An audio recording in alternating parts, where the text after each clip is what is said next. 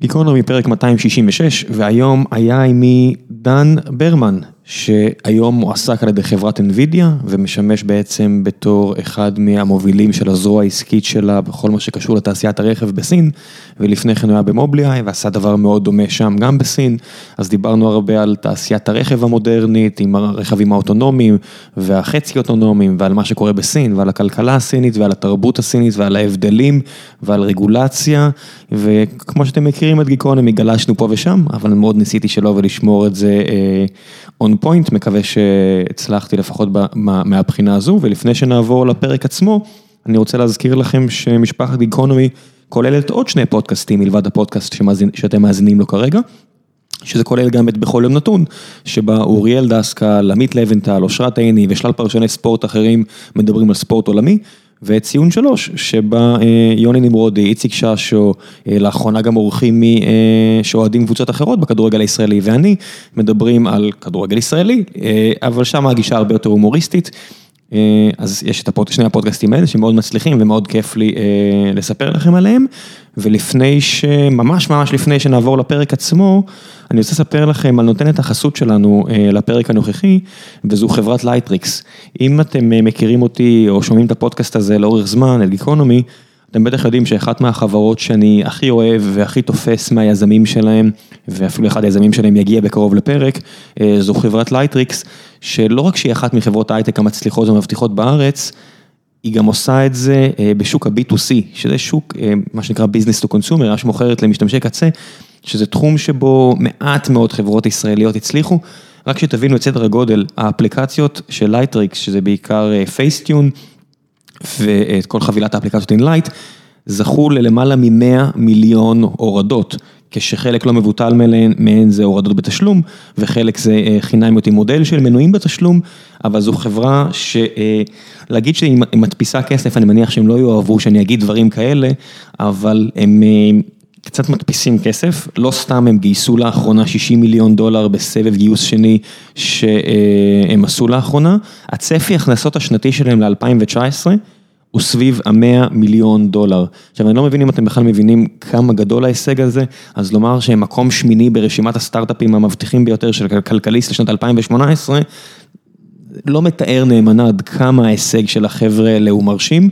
וכדי להמשיך את המומנטום החזק שנמצאים בו, ונראה לי שהוא רק הולך ומתגבר לפי הסנטימנט שאני מקבל משיחות אצלהם, אני אספר לכם שהם מגייסים לא פחות ממאה אנשים, בעיקר למטה החברה בירושלים, והם מציעים סביבות עבודה מאוד ייחודית ומתקדמת, וכדי לגשר על העניין הזה שבאמת הרבה מהעובדים בארץ נמצאים בתל אביב, הם מציעים שאטל יומי מתל אביב.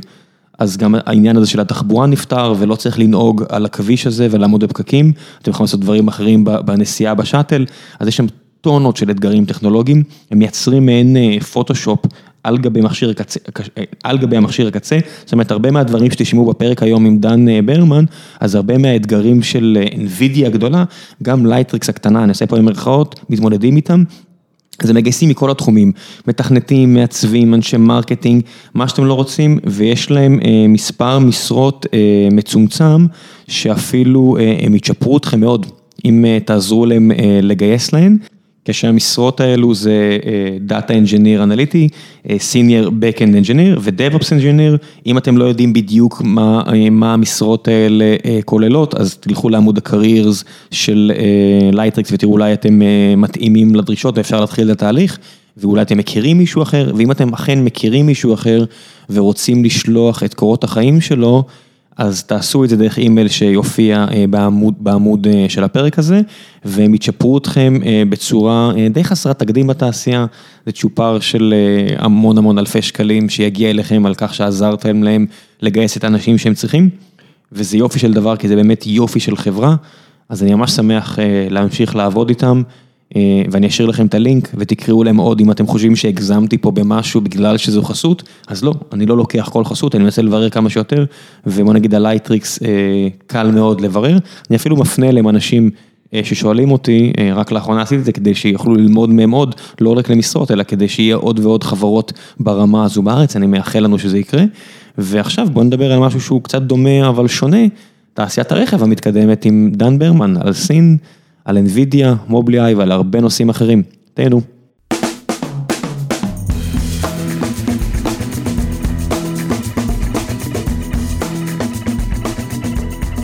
גיקונומי פרק 266, והבוקר נמצא איתי דן ברמן. אהלן, בוקר טוב. מה העניינים? הישר מסין. הישר מסין, נחתתי אתמול בבוקר. כל הדרך, כמה זמן אתה כבר שם? שלוש וחצי שנים עכשיו. והסיבה שאתה כאן היא אה, שאתה מכסה לי כמה, אתה יודע, זה כזה דיאגרמת ון של נושאים שרציתי לעסוק בהם, ואתה נראה לי מכסה לי לא מעט מהם. אז א', סין, שמאוד מעניין אותי לשמוע עליה כמה שיותר, ואני מנסה לעשות את זה בזמני הפנוי עם כל מיני אנשים שמכירים ומבינים.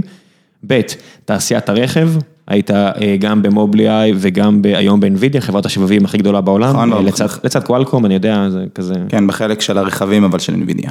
בחלק הרכבים האוטונומיים, כן. אז תכף נדבר על זה, ועל אה, מהפכת הזיהום אוויר, תוכנית החומש של סין, שמתקשרת נראה לי למכירות של אנווידיה וטסלה חזק, כי אם תוך איקס שנים בנזין ודיזל אמור לעוף מסין, אז מה, מה אמור להיכנס? בקיצור, יש לנו הרבה מאוד דברים שאפשר לדבר עליהם. אה, בוא נתחיל, אה, איך בכלל הגעת לשם? או-אה, אמ, אני חושב שפה מגיע קרדיט גדול למובילאיי. אני בהכשרתי לא מהנדס, אה, למדתי מזרח אסיה וכלכלה. אמ, בכלל, אני מתאמן בסין המון שנים, עוד מילדות אפילו, going back to גיל תיכון, אפילו עשיתי היסטוריה מגמה, והנושא העיקרי היה סין, עשיתי על זה בגרות, מאוד אהבתי את התחום, באתי דווקא מרקע היסטורי. וכשלמדתי על סין, תוך כדי התואר, היה איזה ג'וק בזמנו לאחד הדירקטורים במובילאיי, שהוא מאוד אהב לגייס את התפקידים שקשורים ברילוקיישן, אנשים ממזרח אסיה, מהעברית, למדתי בעברית, מובילאיי זו חברה שיושבת בירושלים, והם באו לעשות כאילו רעיונות בזק, לראות למי יש פוטנציאל, מי מתאים פחות או יותר, ואז מביאים אותך למסכת אה, רעיונות שלא מביישת כל חברת הייטק. אמ, וככה נכנסתי, בכלל הייתי מיועד לתפקיד אחר בזמנו, רצו למנף את האזרחות האירופאית שלי כדי אה, בכלל לנסוע למיוניק, להיות אצל אה, BMW, in-house engineer וכל מיני דברים כאלה עם הכשרה. איכשהו התגלגלתי, הפכתי להיות ה-go to guy של סין במובילאיי מבחינת אה, כל מיני צרכים טכניים שעולים בשטח. רגע, אז לפני שמגיעים לזה, אמ, מובלי-איי אה, עושה אה, מה בדיוק למי שלא מכיר, אוקיי, ואז נחבר את זה ללמה בכלל היו לאינטרסים בסין. כן. שאלה פיירית. אמ, אז מובילאיי בגדול אמ, התחילה, אני אומר התחילה כי הסקופ מאוד השתנה, בטח אחרי הרכישה של אינטל, אבל היא התחילה כחברה שבונה מצלמות חכמות, שמיועדות אמ, ליצור איזשהו מעטפת אקטיבית של ביטחון אה, ברכב, על ידי זיהוי חכם של רכבים, של הולכי רגל, של נתיבים וכולי, ולהוסיף כל מיני פיצ'רים לרכב. המערכת הזו מותקנת בהמון כלי רכב, אתם בטח מכירים את זה שאתם כן. נכנסים וזה מצפצף. אה, אז שנייה, הנה עוד חלק חשוב להדגיש. אז יש שתי מחלקות במובילאיי שאפשר להתייחס אליהן כמעט כמו חברות נפרדות, אמנם הפיתוח הוא אותו פיתוח, אבל מבחינת המוצרים זה שונה בתכלית. יש את ה-after market, אמ, שזה המוצר באמת שאמרת שנכנס ועושה צפצוף, וזה עכשיו גם יותר מוכר מהפרסומות בישראל. אמ, וזה החלק הפחות מתוחכם במרכאות, כי אתה יכול להתקין את זה על כל רכב שנקנה, אתה יכול, לא משנה איזה רכב קנית, אתה יכול להתקין את זה, אמ, לכוון את העדשות וכולי, וזה מקבל, אתה מקבל צפצופים והתראות. מה שיותר מתוחכם, וזה גם החלק הארי של הפעילות של מובילאיי כבר המון שנים, אני חושב שמעל 70% מההכנסות, זה מה שנקרא OEM, או pre-market. אה, וזה לעבוד עם היצרניות רכב, לשים את זה בבילט-אין דיזיין, זה כבר מגיע, מחובר לרכב חלק מהעיצוב, ואז אפשר לעשות דברים הרבה יותר מגניבים, אתה יכול ממש בצורה אקטיבית לבלום את הרכב כדי למנוע תאונה, אתה יכול לשמור על נתיבים, אתה יכול לשמור על מהירויות. אנחנו הרבה יותר מתקרבים כבר לכל מה שקשור לנהיגה בדיוק. אוטונומית או נהיגה חצי אוטונומית. בדיוק, בדיוק, אפשר גם אחרי זה לדבר על, לטובת המאזינים שפחות מכירים, אפשר גם לדבר על השלבים ומה ההבדלים ביניהם, איפה עובר הסף, אה, מבחינת, אה, מבחינת התפיסה של השוק. על מה זה רכב אוטונומי, מה זה לא רכב אוטונומי, אני אתן רק ספוילר קטן שכרגע עוד אין רכבים אוטונומיים שנמכרים בצורה, אה, שנמכרים בצורה שהיא לא למטרות אה, מחקר אה, גלובלית. אבל בגדול, אז, אז אני הייתי במחלקה של מובילאיי שעובדת עם היצרניות רכב, וגם כששלחו אותי לסין כבר היה after market שפעיל שם, אבל המטרה הייתה להרים את השוק של ה-OEM, את ה-pre market, לעבוד עם היצרניות רכב, להיכנס ל-built-in design. אמ, ולהיכנס לתוך השוק הזה גם. מה זה אומר, שאתה מגיע עם ג'ינס ו-50 דולר במכנס וצריך להרים את האופרציה או... פחות או יותר, תשמע, היה משרד, זה לא שהייתי צריך לפתוח, אתה יודע, לעבור את הצד הטכני של... לרשום חברה וכל הדברים האלה, היה משרד, אבל לא היה לנו... אז רגע, אתה יודע, זה עולם אחר, אני מבחינתי, זה לא פותח משרד פה בטורונטו, אתה פותח כן. פה, אתה מגיע למשרד בסין, ועם כל הכבוד עדיין תרבות מאוד שונה. כן, אני גם הישראלי היחיד, הצוות הוא סיני לחלוטין, והם כולם גם נמצאים במחלקה אחרת של after market, שמבחינת easy landing זה נחמד שיש מישהו שעוזר לך, אתה יודע, להתאפס, לחפש דירה וכל המובנים האלה, אבל מבחינת אה, מאיפה להתחיל לפנות ליצרניות רכב, זה לא... sale cycle שונה לגמרי. לגמרי, הם כן. עובדים עם distributor־ים ומנסים למצוא חברות גדולות ומשרדים ממשלתיים שישימו את זה על ציי רכב, בעוד שאנחנו מנסים ליצור קשר ישירות עם חברות רכב, וזה יקום מקביל לחלוטין, אני עוד שנייה יכול לדבר על זה, אבל זה יקום מקביל לחלוטין למה שאתה מכיר גלובלית. יש אפילו יותר חברות רכב פנימיות בסין מאשר שאתה מותגים שאתה מכיר גלובלית בעולם. אה, זה אומר אוסף שחקנים מוחלט לחלוטין. אז בוא, בוא, נדבר, בוא נדבר שנייה על, על הצעדים הראשונים שמגיעים, דבר ראשון, אתה דובר סינית. זה לא צריך להיסחף, אני לא הייתי מאוד נזהר, בטח לא כשנחתתי, זה השתפר המון כמובן עם השנים. אמ, אני מאוד נזהר אם להגיד את המשפט דובר סינית, אני מחזיק שיחה, גם ניהלתי פגישות לצערי, אה, פחות סקסי, אמ, אני מבין יחסית מאוד טוב, לדבר זה לא תמיד, מבחינת פורנר, כאילו, אוקיי, המבחן האמיתי מבחינתי זה העובדים שלא יכולים לדבר עליך מאחורי הגב לא, בבנים? לא יכולים לדבר. אוקיי, אז זה כבר אה, מבחינת, אתה יודע, הפלנג שמגיע ל...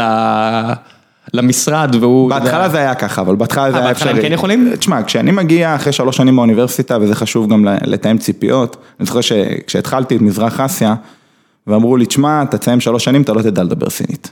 מישהו אמר לי, זה מישהו מאוד חכם שיצא לי לדבר איתו לאחרונה, אמר לי, ממש, הוא כאילו קיצוני על, מה שנקרא, על הספקטרום של החוכמה, הוא אמר לי שהוא עשה שיקול ואמר לי שהיה לוקח לו חמש שנים. להגיע למצב שהוא אה, מרגיש בטוח בעצמו. תשמע, אני יכול להגיד לך הוא חי שם. אני יכול להגיד לך שאתה יודע, אתה... כשאומרים לך משפט כזה לפני שאתה מתחיל ביום הפתוח, אתה אומר לעצמך, בסדר, אבל אני מדברת על המקרה הממוצע, ואני מחזיק מעצמי, ויהיה בסדר, ואחרי שלוש שנים אני אדע סינית. לא, אתה לא יכול לדעת סינית עד שאתה לא דורך בסין, עד שאתה לא נטמע בזה, אפילו מבחינת שמיעה, זה מאוד קשה, האוניברסיטה עושה עבודה מאוד טובה מבחינת קריאה וכתיבה.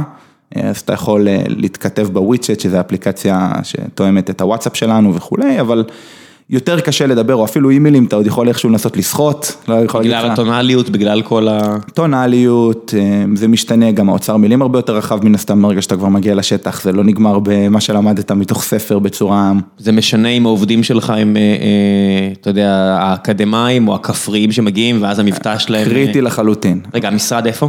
בשנזן או בבייג'ינג? בשנגחאי. בשנגחאי. שנגחאי, כן. זאת אומרת, אז העיר הגדולה, זה לא... זה לא איזה אזור פרוע ושמלא בכפריים, אלא יש סיכוי יותר טוב שמדברים כמו שאמורים לדבר. ואז יותר קל לך, אני מניח. מבחינת, אתה מדבר על ניבים שונים של סינית בתוך כן, סין. אתה יודע. כן, יש, האמת שזה לא בדיוק עובד עיר גדולה מול כפריים, אבל בגדול אתה צודק, יש ניבים שונים באורך סין, זה אומנם שפה אחידה במרכאות, והם גם לרוב מבינים אחד את השני, יש גם מקרים קיצוניים שאפילו סינים לא הבינו חלק ממה שסיני אחר אומר לו, אמ, אבל מהבחינה של אה, ניבים, אז כן, נגיד ניב שנגחאי, אה, סליחה, ניב בייג'ינג, לדוגמה, יותר קשה לי, הם מדברים הרבה יותר מהר והרבה יותר מתנגן. אמ, ולפעמים אני, אתה יודע, עולה על מונית מהשדה תעופה בבייג'ינג, ואומר לנהג לפעמים רוצה לנסוע, והוא עונה לי משהו, אני אומר בואנה, אני, מדברים את אותה שפה? כאילו, תשמע, אני אני מניח שהאנלוגיה ש- ש- שרוב המאזינים עכשיו יכולים לעשות בראש, זה לשמוע סקוטי מדבר, או דרום אפריקאי, או אוסטרלי, במקרים קיצוניים. כן. אתה אומר, אני מבין אנגלית perfect, אבל כן. לא הבנתי מה אתה אמרת עכשיו. כן, כן. או, או, אתה יודע מה? לגמרי. אפילו אה, אנגלי שמדבר בסלנג, או אם אתה מגיע לברוקלין, שנייה ממנהטן, אה, שנייה מוול סטריט, לא זה, אתה יודע, אתה עובר את הגשר, יש סיכוי שאתה לא תבין מה אומרים לך. כן, זה בדיוק, לא- זה, זה בדיוק המצב. אז איך מסתדרים?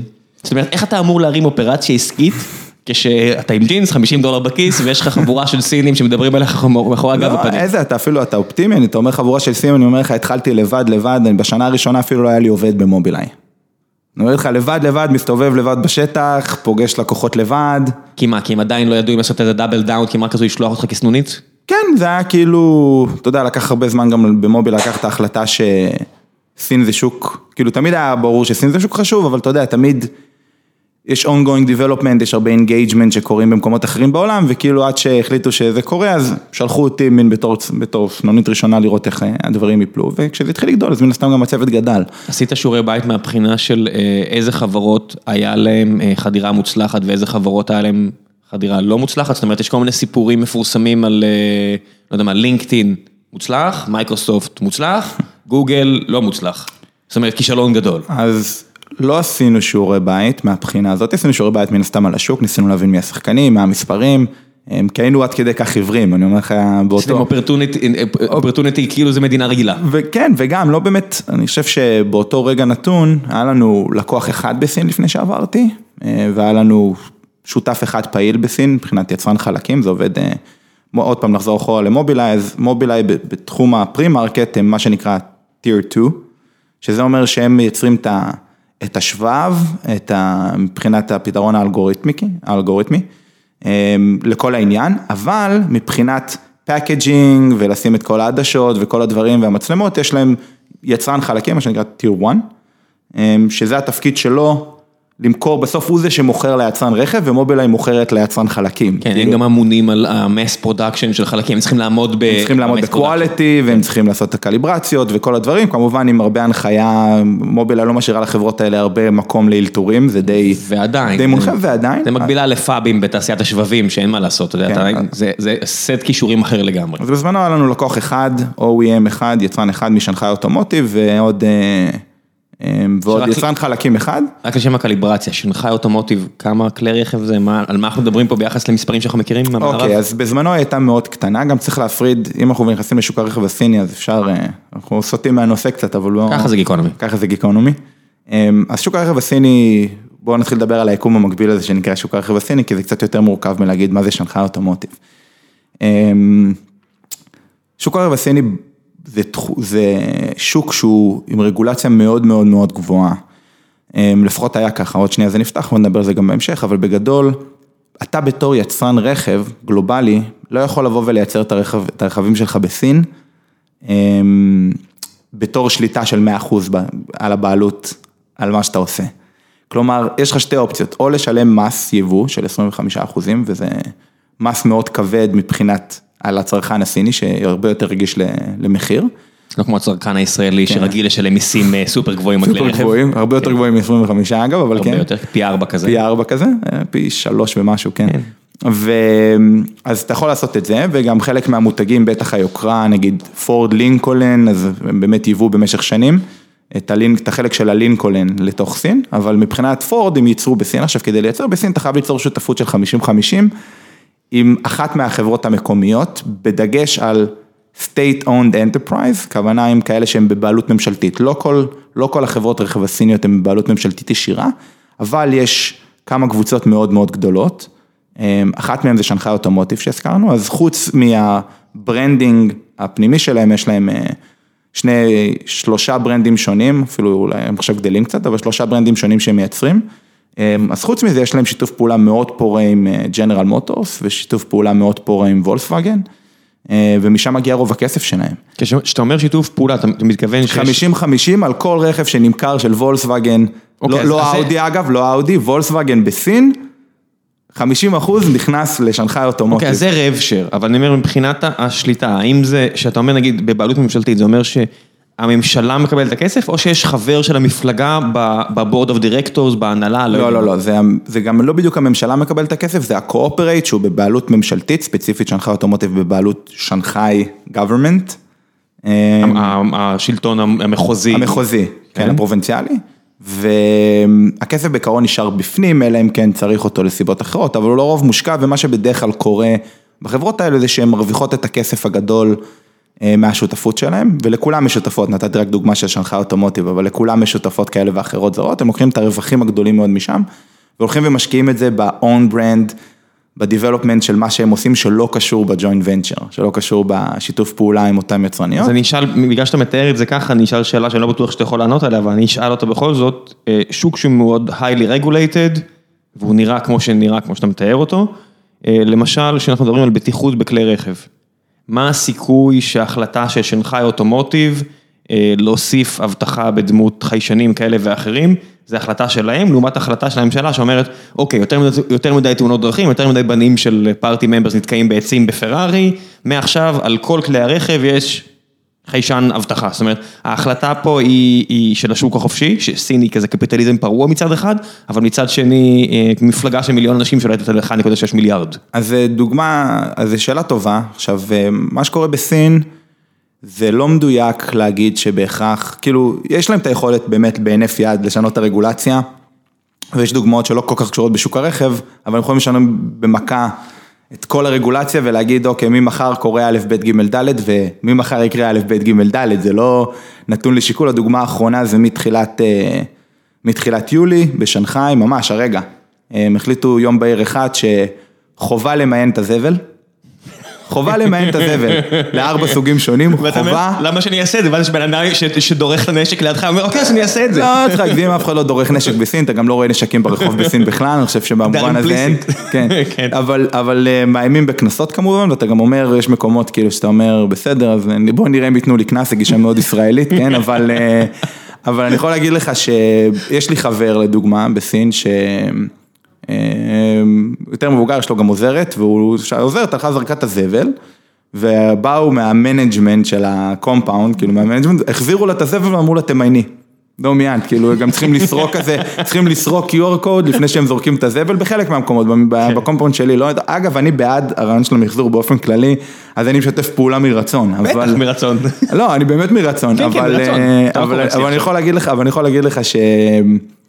זה מדהים לראות את השינוי, וכמובן שכבר יש לזה השלכות מיידיות על מלא דברים, קודם כל חברות הפחים, המניות שלהם קפצו בצורה משמעותית, וכולם, גם אני באופן אישי הזמנתי פח חדש הביתה. אה, דרך עליבאבא, דרך מה, טאובה או דרך אפליקציה. מה, עם חלוקה לתאים? עם, חל... עם חלוקה לשני תאים ואני משתמש בפח הישן שלי לשים את כל הדברים ריסייקבל, אתה יודע, כל הבקבוקים והאלה, וכל מה שהוא זבל מסוכן, שכמה כבר יש לך כזה בטריות, תרופות, אני יודע, אתה שם את זה בצד ו... לא כשמגיע. הרגע. הם, כן, הם, שלחו, הם, הם לא השאירו לך מקום לטעויות, הם פרסמו בדיוק מה ההגדרה לכל דבר, והם נתנו דוגמאות שדי מכסות את הרוב המוחלט של הזבל שאתה מייצר. ולטעון לבורות כי אתה אד- אדם זר לא עובד, אני מניח. לא, לא, לא. לא עובד. זה לא- אז זה- אז זה דוגמה, טוב, זה סוגרים, דוגמה סוגריים, סוגרים, סוגריים, וגם סוגרים, נהיה לזה סוגרים. כבר שוק, שנהיה לזה כבר שוק משני, של אנשים שמוכנים לקחת את הזבל שלך בשביל איזה יואן ליום, שזה איזה חצי שקל ולמיין בשבילך, וכל מיני דברים שאתה לא מאמין כפועל יוצא מה, מהגזרות האלה. וכמובן, אתה יודע, זה בא, זו החלטה שהגיעה מה...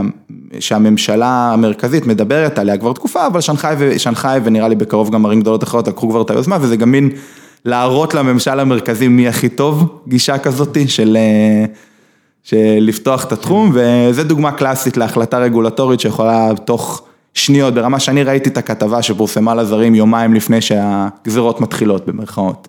כאילו לא היה לי מושג, ואז בבת אחת פותח את האפליקציה, מזמין פח, כאילו, אתה יודע, זה עולם אחר, במובן הזה. אז אה, באותו מובן גם בשוק הרכב הם יכולים לקבל את ההחלטה הזאת, עד כה הם לא קיבלו אותה, ובאופן מאוד מפתיע בהרבה דברים שקשורים ברגולציה, הם אפילו קצת מאחור. אה, בכל מה שקשור לטסטינג של אה, רכבים אוטונומיים על, על שטחים, קליפורניה נגיד הרבה יותר פתוחה, מקומות באירופה הרבה יותר פתוחים במובן הזה. כן, תשמע, כמה אחוז אבל- לא מבוטל מה- מהכסף של קליפורניה מגיע מ- כן. אבל- כמו גוגל שזה הלחם והחם, או אובר שעושים את הניסויים האלה. כן, אבל having said that, הם יכולים לעשות אה, big leap forward בכל רגע שהם בוחרים אה, לעשות וזה פשוט יקרה. אה, אז זה יכול לקרות, אבל מה שגם מאוד אה, מייחד את הצרכן הסיני, וזה לא קשור לממשל המרכזי, זה, זה העובדה שיש רצון מבחינת אה, customer acceptance או קבלה של צרכן לקונספטים של רכבים אוטונומיים, הם הרבה יותר מוכנים לסמוך על זה בכל מיני סקרים שנעשו מכל צרכן אחר גלובלית וגם לא רק רכבים אוטונומיים, מבחינת אה, מה שנקרא בהגיה המקצועית fitment rate, כלומר כמה מאחוז הרכבים שאתה מוכר מאותו דגם, כמה מתוכו נמכר עם מצלמה חכמה או עם רדאר מתוחכם או עם active safety, כאילו עם אה, משהו אקטיבי שמשתלט לך על הרכב עם כל מיני פיצ'רים. אז ה fitment rate הוא מאוד גבוה בסין באופן יחסי, אמ, למרות שאף אחד לא קבע את זה, אף אחד לא לחץ על זה. שוק פרטי. כן, פשוט מאוד, יש קבלה מאוד גדולה יחסית של המוצר, ו... ואתה רואה אחוזים שהם לא נתפסים במונחים גלובליים. שמה זה אומר? מה- מה- מה מה לעומת מה? אז יש כל מיני רגולציות אמ, אמ, גלובליות שמאוד דוחפות את היצרניות רכב ל- להפוך את זה לכדאי לרכישה. אמ, לדוגמה, כל הכוכבי בטיחות, יש כל מיני גרסאות לפי אזורים בעולם, יש את ה-NCAP באירופה, אמ, יש אה, ניצה בארצות הברית וכולי, שבודקים כל מיני דברים שנותנים את הכוכבי בטיחות. חלק, מזה זה פאסיב סייפטי, חגורות בטיחות, אתה יודע, מבחן ההתנגשות המפורסם. אה, כן, מלא בובות. אה, כן, מלא בובות כן. ששימו, ששפכו חיים כתוצאה מהעניין, כדי. להשיג את החמישה כוכבים האלה לרנו החדשה. כן, אז גם כחלק מהעניין אתה יכול לקבל הרבה נקודות גם על Active Safety, שזה נהיה חלק מאוד גדול מאותם מבחנים, וגם חלק גדול מהפקטור שמכפיל לך את הניקוד, אומר כמה בפועל מכרת מהרכבים האלה עם, עם ה feature, כלומר כמה מהצרכנים שלך באמת קנו את ה feature, זה יכול? להגדיל... איך זה עוזר לי אם לא קניתי את ה feature אם אחרים כן קנו אותו? אני יודע, זה, ככה זה עובד, זה, יש לך מין פקטור כזה שאם ה fitment rate שאתה מכוון אליו ומגיע אליו דה פקטו, זה יכול להגדיל לך את הניקוד, כאילו מבחינת, זה לא מה ש... זה, זה מכפלת פקטור, במקום נגיד 100% זה 1, פי 1.2. כן, כן. וכאלה, אז גם בסין יש כאלה דברים, אז זה מן הסתם דוחף אותם לנסות להפוך את זה לכדאי לרכישה. אמ, אז גם בסין יש את זה. רק שבסין איכשהו פשוט נוצר מצב שהצרכנים רוצים את זה ופתאום מאחוזים שבדרך כלל מקובל לדבר עליהם 20-25 אחוזים מסך הרכבים שנמכרים מדגמים מסוימים, זה יכול להגיע בסין למספרים דמיוניים של 50-60 ולפעמים אפילו רכבים שיוצאים as is 100 אחוז מהפס ייצור, מגיע עם ה... איך הם נוהגים? זאת אומרת זה יותר קרוב למצרים או יותר קרוב לקליפורניה? יותר קרוב למצרים. אוקיי, זאת אומרת היכולת שלכם, או של חברות כמו שלכם להציל חיים, הן אפילו עוד יותר גדולות בגלל שהן די פרועים. כן, במובן הזה אתה יכול להגיד שהתשובה היא כן, יש פוטנציאל, גם, גם, אני לא מכיר את המספרים, אני לא זוכר את המספרים, מה זה לא מכיר? לא זוכר את המספרים במדויק, אבל גם כאחוז מהאוכלוסייה, הכמות אנשים שאיבדו את חייהם על הדרכים בסין היא עצומה, הרבה יותר גבוהה ממדינה מתוקנת במרכאות כפולות. כי הם עדיין פשוט לא הגיעו לטפל בבעיה הזו? כן, וגם אתה יודע, זה תרבות נהיגה שהתחילה, יש הרבה דברים, יש הרבה התנהגויות מאוד מקולקלות בסין מבחינת נהיגה, אני יכול לתת לך את הדוגמה הכי קלאסית, אמ, אפילו שתי דוגמאות קלאסיות, אחת, אמ, אין, אין, אמ, אין לתת דרך להולך רגל. כאילו אם אתה עכשיו עובד, עובד במעבר חצייה, כנראה שהנהג פשוט יחצה את המעבר חצייה למרות שיש לך ירוק והוא יכול לפנות ימינה באדום, זה כמו ארצות הברית, פשוט תפנה. למרות שזה, כאילו, אתה הולך רגל. זאת אומרת זה פרוגר. כן, ואתה מסת... אתה לא, אסור לך להסתכל בטלפון שאתה חוצה כביש ב... בסין, עדיף שתהיה ערני גם אם יש לך ירוק. ולא בגלל שהממשלה אמרה לך, אל תסתכל בטלפון. לא בגלל שהממשלה, זה פשוט, אתה יודע, אומרים שזה התחיל מטעמים של מעמדות, אתה יודע, פעם רק למעמד העשיר היה רכבים, וזה כאילו אם אתה הולך רגל אתה פושטק ותן לי לעבור, סוג של, וזה פשוט הפך לתרבות נהיגה מאוד כוללנית. אמ, וזה משהו שמאוד משפיע, והדבר השני זה שיש ריבוי עצום אמ, של אופנועים וקטנועים חשמליים ודברים שאני בכלל לא יכול להסביר. כמו כל מזרח אסיה. כמו כל מזרח אסיה, זה גם נובע הרבה מכמובן שיש על זה רגולציה מאוד מינימלית, מאוד מינימלית, אתה לא צריך רישיון נהיגה לדוגמה, כדי לנסוע על רכב של עד 40 קמ"ש חשמלי, אתה לא צריך בכלל רישיון, אתה יכול גם בתור זר ללכת, היום כבר שיפרו את זה, אתה צריך, היום אתה צריך לרשום את עצמך, אתה צריך license plate ועוד כל מיני דברים שפעם לא היו קיימים. אבל פעם היית יכול לקחת את הטוסטוס הכי זול, ויאללה להתחיל... אתה יכול לקנות ממי שאתה רוצה, איך שאתה רוצה, ופשוט לעלות ולנסוע. ועם אכיפה מאוד מינימלית, כמובן יש כבישים שאתה לא אמור לעלות עליהם, כמו שאתה מבין זה מאוד תלוי אכיפה. אמ, זה מצחיק, אתה אומר על ההפרדה של הזבל, מיד כולם עושים כי מבינים שהאכיפה היא אכיפה, אבל יש מקומות שבהם האכיפה היא קריצה של אכיפה. כן, כאילו, אתה יודע, אסור לך להרכיב בית גדול בן אדם על הטוסטוסים האלה. ועדיין תראה ארבעה אנשים על טוסטוס בלי... לא, ארבעה, זה כבר לא כל כך תופעות שאתה רואה בנוסח הודו כן. וייטנאם וכו', אבל אתה יכול לראות בכיף שניים וכו', וזה עדיין קורה. אמ, בתדירות די גבוהה, אבל זה רק דוגמאות לדברים שנגיד מסכנים מאוד את הנהיגה, וכמובן, אתה יודע, פקק עם שלושה נתיבים, יכול להיות לך חמישה מכוניות על אותם שלושה נתיבים אה, עומדות אחת ליד השני, על השוליים וכו', יכול להיות הכל, אבל... אמ, אז לעולם הזה אתה מגיע, אה, אמרנו ג'ינס, 50 דולר בכיס, משרד, שנגחאי אה, מוטורס, איך כן. מתחילים? זאת אומרת מעבר, נגיע יש לך את הלקוח הראשון, איך מתחילים את מערכת היחסים עם הלקוח השני? שאלה טובה. אמ, זה קשה. אמ, זה כמובן מתחיל בכנסים או כל מיני לידים שהשותף שלך, אותו יצרן חלקים יכול לפתוח לך, הוא היצרן מקומי, אמ, הוא פותח לך איזשהו lead, או אם, אה, אם אתה חברה כבר שיש לה איזשהו שם עולמי כמו מובילאיי, פתאום נכנס איזה בקשה שמגיעה ל after market, כי הם פגשו איזה מישהו והם מפנים אותו אליך וככה מתחיל ה connection. ושלב אחרי שלב אני יוצר עוד ועוד לידים וקשרים, וככה מעגל לקוחות מתחיל להיבנה, שאתה צריך כמובן, זה הרבה מאוד פגישות, הרבה פעמים לבקר, ואנחנו מדברים על מקומות מאוד לא סקסיים בסין בהכרח, אתה מוצא את עצמך בהרבה מאוד פרובינציות שונות, כמו שהתחלתי להגיד על שוק הרכב, יש הרבה גם state owned, אבל יש גם הרבה שהם לא, ויש בהמון פרובינציות שונות, בהמון ערים שונות, יש לך יצרניות רכבים, זה נהיה תחום מאוד, אפשר לקרוא לו תחום הדגל של סין, וכל ממשל מקומי רוצה שיהיה לו תעשיית רכב, זה מאוד חשוב לממשלים המקומיים, זה כמו סינים קטנים כאלה בתוך סין גדולה, שמנסות ליישם, ולפעמים בצורה הפסדית לחלוטין, כן, חברות שלא מוכרות רכבים או לא חוות מספיק כדי בכלל להחזיק את עצמם, אבל רק בשביל להגיד, יש לי שוק רכב, יש לי תעשיית רכב אצלי בפרובינציה, הם מסבסדים את זה. זאת אומרת, אתה מגיע למפעל, אתה רואה פסי ייצור ואתה אומר, יש פה מאחור... פחות מ-100 אלף רכבים בשנה, אתה לא יכול לעשות מזה כסף. וגם, אתה יודע... איפה שיש משקיעים של טסלה שצועקים בלספמי, בלספמי. כן. עכשיו הם מוכרים הרבה יותר, אבל הייתה תקופה ארוכה שטסלה נסחרה לפי שווי עצום על המספרים האלה שאתה כן, אומר, אבל עם ההבטחה להרבה יותר. כן, אבל זה גם, אתה יודע, low-end market, גם כל רכב שנמכר הוא בהרבה פחות כסף בחברות האלה שאני מדבר, ו... יש לך מה לעשות בכלל, עם- כשאתה מגיע לחברה כן. כזאת, אתה מהר מאוד, מב- כן? אתה- כן, יש, תלוי, תלוי למי, אז נגיד, זה תלוי מה הפוקוס שלך, אם הפוקוס שלך זה רכבים אוטונומיים, אז כנראה שלא, אין להם את הכוח אדם, אין להם את התקציבים, זה לא יקרה כל כך מהר, הם מחפשים... זה גם לא הקהל. כן, הם מחפשים יותר מה שנקרא turnkey solution, כשהיום יבוא מישהו שיעשה להם אינטגרציה מלאה, יחבר את כל הדברים, plug and play, לא code development וכל הדברים האלה שקורים היום בתעשיית הרכב הגלובלית. אז כמה חברות כאלה, כאילו, אתה, אתה, מה, יש המון. תספר לי איזה סיפור הזוי. יש מעל 60 ברנדים בסין. אמ, אגב, שנגחאי אוטומוטיב זה דוגמה מעניינת, כי אחד הברנדים שלהם נמצא כבר בישראל, אתה פשוט לא כנראה יודע שזה לא, אתה פשוט לא יודע שזה שנגחאי אוטומוטיב. מה זה? MG. לא, אז אני, אני, אני ידעתי ש-MG זה סיני, אבל לא... אז MG, MG זה של שנגחאי אוטומוטיב, וזו דוגמה קלאסית לכן התרחבות גלובלית, של חלק מהם יש שאיפות גלובליות ומתחילים כבר להסתכל החוצה. זהו, אני- אתה יודע, אני, אני רק, רק יום חמישי שעבר נסעתי למשחק של הפועל באר שבע, ויש כזה את התור בכניסה לטרנר, ואני רואה, ראיתי אה, כלי רכב, שאמרתי, מה זה, זה סאנגיאנג? מה זה סאנגיאנג? מה זה, היה שם MG וסאנגיאנג, ואתה רואה כל מיני כאלה, אתה אומר, מה קורה פה? what the fuck is this? כן, אז... אז, אמ, אז זה לוגוים שאתה לא מכיר, אתה רגיל לזהות הלוגים של כלי רכב. אז יש כמויות לוגוים שאתה לא מכיר בסין, וכנראה שאם היינו עכשיו משחקים את ה pop quiz והייתי מבקש ממך לתת לי ארבע ברנדים סינים, לא היית מסוגל להשלים את המשימה. של כלי רכב? של כלי רכב. לא?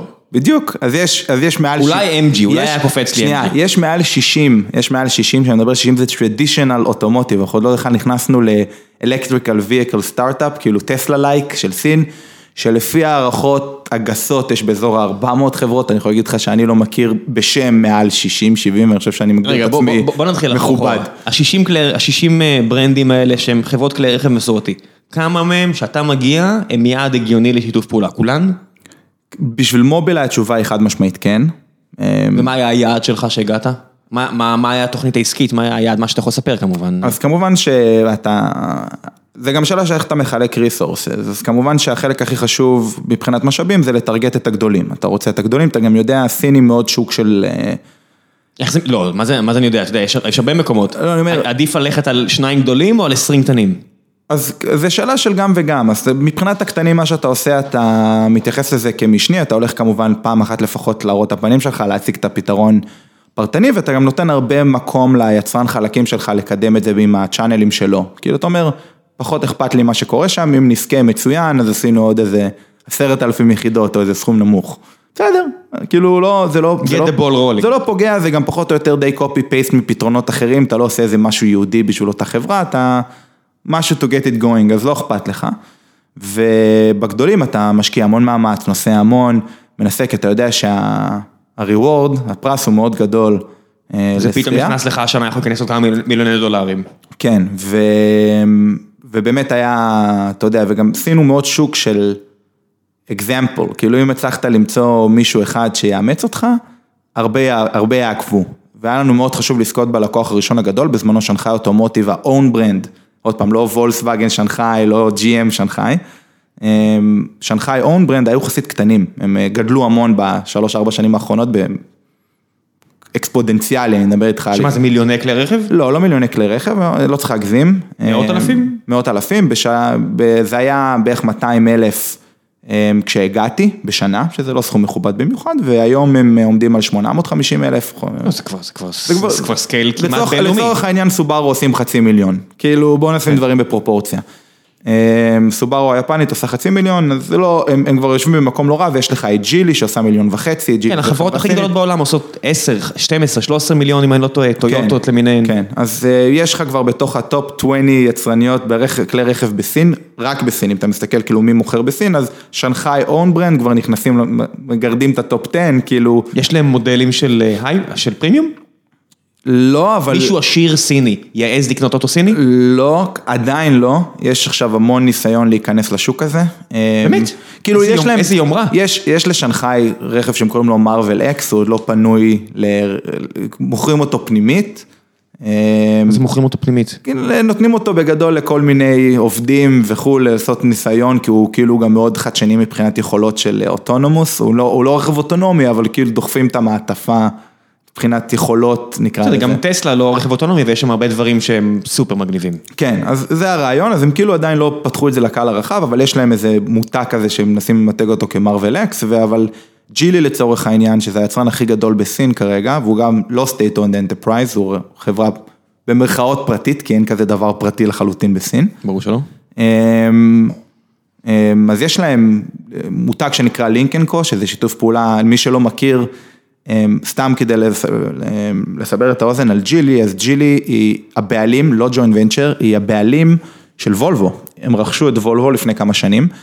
אמ, וולבו, החברה השוודית, ידה. ידה ידה, מה שאתם מכירים. וכולי, וכמובן שממש בחצי שנה האחרונה, או אפילו שנה האחרונה, הם ככה בבקדור, הם השקיעו, הם השקיעו, יש להם עכשיו עשרה אחוזים מדיימלר, שזה מרצדס. הם ככה משום מקום הם הופיעו להיות הביגסט סטייק הולדר במרצדס גלובלית בבת אחת. הם, אז הם כן בראייה עולמית ובשיתוף פעולה עם וולבו, כאילו עם העובדים של וולבו, הם יצרו מרכז באירופה גם, שנקרא CVT, והם מייצרים מותג שנקרא לינקן קו, שאמור להימכר גם באירופה וגם, ב...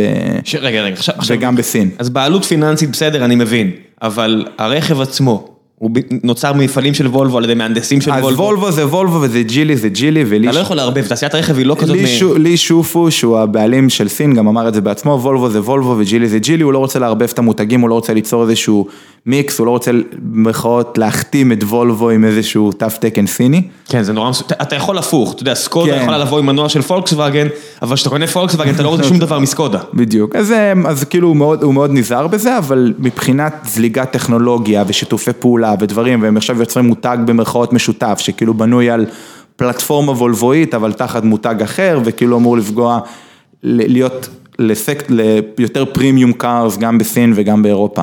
אה, זה ה target markets כרגע. זאת אומרת, אז יש, יש יומרה מצד חברות סיניות, בכל זאת. לשכנע סינים עשירים לנסוע סין. יש יומרה, כמובן שבאופן די גורף אה, זה פחות הקטע, יש לך כמובן את היצרניות רכבים החשמליים, הסטארט-אפים כמו טסלה, יש לך גם בסין, שהם באמת, הרבה, הרבה מהם מטרגטים את אותו premium market ואתה תמצא כמה סינים עשירים שמחזיקים את זה בתור רכב שני, כן? כי זה מגניב. כי זה מגניב. כן. אמ, גם, אתה יודע, זה כמו שאנשים פה נסעו על רנו בגלל Better Place, זה עדיין רנו. כן, זה לא, זה לא מרצדס וזה לא וולבו וזה לא BMW, זה רנו.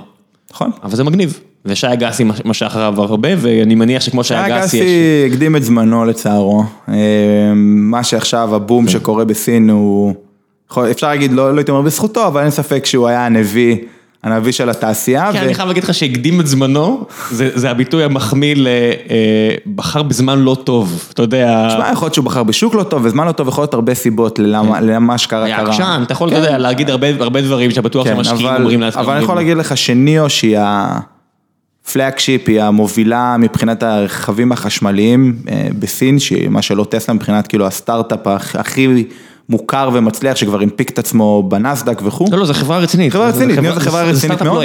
אז ניאו לצורך העניין אימצו את השיטה של battery swaps, בדיוק כמו מה ששי אגסי עשה, בעוד שאחרים עובדים על טעינה נוסח טסלה. כן. אה, אז אה, ניאו עושה battery swaps, כאילו זה קורה. אה, עוד מישהו מנסה, אפשר להתווכח מה ההשלכות הכלכליות של זה וכמה קשה לתפעל את זה. בוא נדבר גם על ההשלכות הסביבתיות, יש כל מיני דברים שאפשר להגיד. כן, יש הרבה דברים שאפשר לדבר עליהם, אבל אני יכול להגיד שמבחינת אה, אה, מודל, מישהו עושה את זה עכשיו, כן? וזה כרגע עובד לאיזשהו רמה, אז אה, להגיד בלונגרן, אתה יודע, ימים יגידו, אבל מישהו עוד פעם מנסה את הרעיון. כן, אני רק אומר שאתה יודע, אף אחד לא, כן, זה כמו להגיד, החבר'ה של פעם פיילוט, הם הקדימו את זמנם, טוב, טוב. הם לא היו סטיב ג'ובס, בסדר? זה לא, בסדר. בסופו של דבר, אה, הצלחה היא לא רק אה, גם לבוא בזמן הנכון, כי מי, מי שהביא את זה בזמן הנכון, עשה משהו שונה גם. תראה, זה גם הרבה יותר מזה. אמ, לשי אגסי, עם כל ה... למרות שהוא היה, אני משער, המאמי הלאומית במובן הזה, אמ, לא היה לו את התמיכה הממשלתית שניתנת אה, בסין, כאילו, וה... להפך, פה בארץ, אתה יודע, בדיוק. ראיתי זה בהרבה תעשיות, אני רק אתן קוויאט אחד ותחזור לשי אגסי, ש- שלפני, לא יודע מה, 15 שנה, או לא יודע כמה זמן, עבדתי בחברה בשם ECI, שמייצרת ארונות תקשורת, ואתה מתחרה בחברות כמו זימנס, שהקאנצלרית של גרמניה יכולה להגיד, אוקיי, אתם לא תקנו מ-ECI, אתם תקנו מזימנס, כי אנחנו צריכים לתמוך בכלכלה המקומית, וישראל, ומדינת ישראל תגיד, בוא נחסוך ארבע אגורות ונקנה מחוואוי. בתקופה שחוואוי הייתה הארגון הכי בזוי פחות או יותר בעולם. למה? כי בוא, נ- בוא, נ- בוא נחתוך קצת ונחשוב על הלונג, על השורט רן ולא על הלונג רן.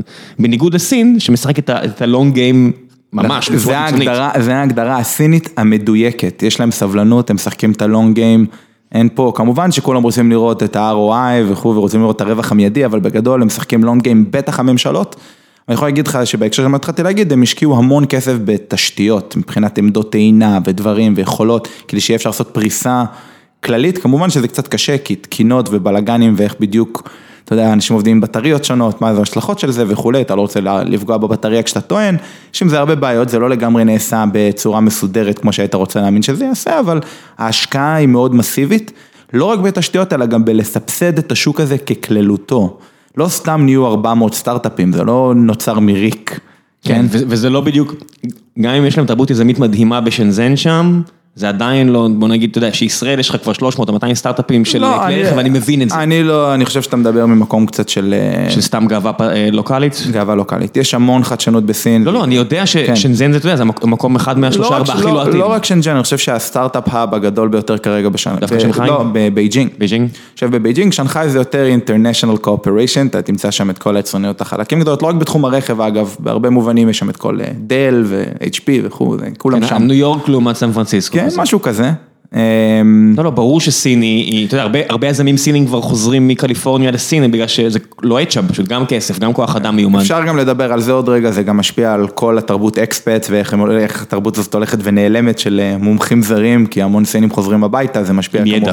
עם ידע, זה משפיע המון, אמ, וגם גם היכולות שלהם עולות בהתאם, אתה יודע, סטודנטים, חצי מה... אני- לא זוכר את המספר המדויק, אבל זה אחוזים נכבדים מסך הסטודנטים בארצות הברית ל-artificial intelligence, ל-AI. שימו פינים, בסטנפורד. פינים. אבל סינים של- שקיבלו כן, כאילו ש- השכלה הכי טובה בעולם. ההשכלה הכי טובה בעולם, והם עושים כמה שנים בשוק, בשוק הסיני, בשוק האמריקאי, כל אחד בתחומו, זה לא חייב להיות שוק הרכב, וחוזרים הביתה, ו... ועם ראש. גוזרים את הקופון, באים עם מנטליות שונה קצת, מדברים אנגלית שוטפת, פערי השכר גם בין מהנדסים סינים למפתחים בעולם הולכים ומצטמצמים, צריך להגיד. הולכים ומצמצמים, בטח ובטח בעמדות ניהול. כן, עמדות כן. ניהול זה כבר דבר מאוד יקר בסין, זה כבר לדעתי יותר יקר מישראל. אה, בסדר, גם העסקים הרבה יותר גדולים, בסדר, כן. בוא... לא- הנה, נגיד, כן. נעשה את זה ביחס לפריון או ביחס לכ- לכמות. אין ספק, כסף. אין ספק שזה הולך ומצטמצם וגם נהיה הרבה יותר כוח אדם מוכשר ויש הרבה יותר מאיפה לאסוף, הרבה יותר מאיפה, עם מה לעבוד. זה ברכה וקללה, אתה יודע. כן, יש... האתגרים של אני המפלגה. יכול להגיד לך. שאני בתור מעסיק, כשאני מחפש עובדים, הרבה יותר קל לי בחיים ממה, ש... ממה שאנשים היו יכולים לצפות. כמובן שזה, אתה צריך להיות מוכן לפתוח את הארנק במרכאות. אתה לא יכול לצפות ולמצוא עובד מוכשר שגם מדבר אנגלית, גם, אה, גם עם יכולות וגם אה, מבריק בתחומו, ולצפות לשלם לו מעט. כאילו, זה לא עומד לקרות. לינקדאין? מה הכוונה לינקדאין? איך אתה מכיר? אה, אז אני, לי באופן אישית באינווידיה יש לי צוות, אה, יש צוות גיוס שהם עושים את העבודה. חלקם פונים בלינקדאין אני מניח, אבל במובילאיי, כשהייתי צריך לגייס עובדים פשוט הפצתי את זה עם כל מיני חברים בתעשייה, הם פרסמו את זה בוויצ'ט שלהם, שגם תפקד לא רק כמו וואטסאפ אלא גם קצת כמו פייסבוק. זה והם- קצת. כן, והם התחילו להעביר את זה ביניהם ופשוט התחלתי לקבל קורות חיים בלי לפרסם את זה בשום מקום בצורה מסודרת. כי? זה בתוך תעשייה.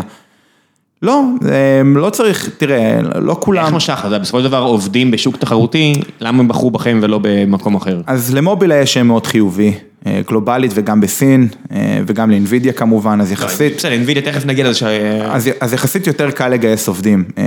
כש- ברגע שאתה מושך את השם ויש איזשהו אופק קידום שנראה הגיוני, אתה לא איזה חברת סטארט-אפ קטנה, אה, או שם לא מוכר, אז יחסית יותר קל, כל עוד, כל עוד כמובן שכר הוא תחרותי באיזשהו מידה, זה לא חייב להיות אה, בהכרח יותר תחרותי ממישהו אחר. חייב להשוות לכל הפחות. כן.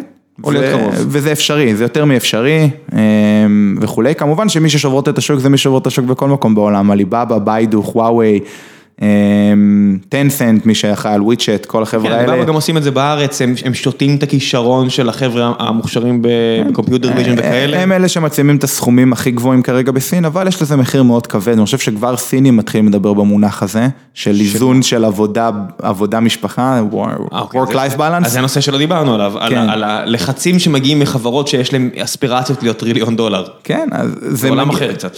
תשמע, כשג'ק מה, בעלים של עליבאבא, אומר קבל עם ועדה, זה היה לא מזמן אפילו בחדשות, הוא אומר, אה, והוא מתגאה בזה, הוא אומר... 696. כן, 996.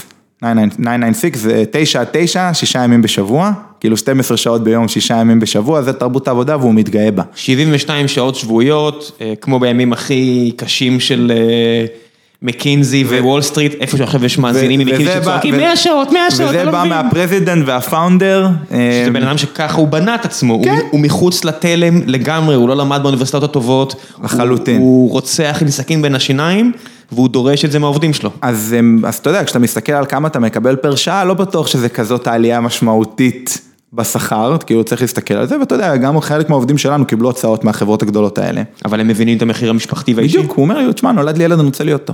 כאילו, הוא אומר, אני, הציעו לי, חצוף. הציעו לי, הציעו לי להכפיל את השכר כמעט, ואמרתי, לא, כי גם מבחינת שעות אתה מסתכל על זה, זה לא באמת הכפלה, וגם אני רוצה להיות עם המשפחה שלי, נולד לי עכשיו לא מזמן ילד, רוצה להיות איתו. כאילו, הוא רוצה, מה, אבל זה, זה, ברגע שבן אדם עושה גם חישוב של פר שעה והכל, א' זה אומר שהמדינה במקום בריא יותר, או, או, או, או השוק עבודה במקום בריא יותר, תשמע, יש לך פה סינים, נגיד, אל- שהגיעו לפה פועלי בניין, אף אחד לא עשה, ש- כן. אם אתה יכול לשלם לו יותר, הוא יעבוד 20 שעות. כן, אבל אל 20 שעות. תשכח כשאני אומר את זה, אני מדבר הרבה מאוד גם על העובדים של, אה, של NVIDIA, שאחוז נכבד מהם למדו בחו"ל ובאו עם רעיונות קצת אחרים. רעיונות סוציאליים. אתה יודע, בניגוד לסין הקומוניסטית, אני מדבר סוציאליים במובן החברתי. כן, אז הם באו עם קצת כן, רעיונות לא- לא אחרים. וסדר עדיפויות שונה קצת וכו', וזה לא שהם במקום רע, ואנחנו גם NVIDIA שכר מאוד תחרותי, אם אתה משווה את זה לארגונים בינלאומיים אחרים, כאילו, אתה יודע, עוד פעם, גירושים גם. עולים כסף, חברים. כן. גירושים גם עולים כסף, אני אספר לכם סוד, גירושים גם עולים כסף, וחיים של בדידות ועצב ודיכאון, גם אה, יש לזה מחיר כלכלי, מישהו צריך לשקלל את זה. כן, אז, אה, אה, מה שג'ק מה מטיף לו, זה מתאים לחלק מהאנשים, בטח שלא לכולם. כן, אז, אבל החברות הגדולות בסין באמת פועלות ככה, הן משלמות בהתאם, אבל הן פועלות ככה, זה לא מיוחד לעליבאבא, ג'ק מה בסך הכל נתן זה? לזה שם. כן. עד כמה מרגישים את התחרות? ש- זאת אומרת, ש- שיש לך עד- עדר של אנשים מוכשרים שגם עובדים יותר שעות? תלוי באיזה, אוקיי, תלוי באיזה תחומים. מה זה, אתה באנווידיה, חברה, אוקיי, אז אני אתה לא עובד בחברה עכשיו, חברה של שקל וחצי שבאה להתחרות אה, על שוק- שוק של חמישה שקלים. אנווידיה שווה לפי דעתי באזור יותר מ-100 מיליארד דולר יותר היום. מ-100 מיליארד דולר, כן. ומתחרה בדיוק באותה העליבאבא, זאת אומרת, לא, לא, לא, לא, לא, לא, לא. בואו נשים דברים בפרופורציה. קודם כל, עליבאבא אחד מהלקוחות הגדולים שלנו. לא, כן, עליבאבא. היא- היא 300 ומשהו חברות, אני מתכוון לפחות בחלק מהחברות של לא, עליבאבא. אני אומר, אני אומר מבחינת אמ, וקטורים של ביזנס, אה, בסוף, בהרבה מובנים, ה-core ביזנס של זה, אמ, זה כרטיסים גרפיים, שאין לנו כל כך תחרות עולמית, אתה יכול אולי להגיד AMD אמריקאית. לא באמת. בסדר, לא- זה- לא- לא לא לה- להרבה מאוד דברים שצריך כן. GPUs.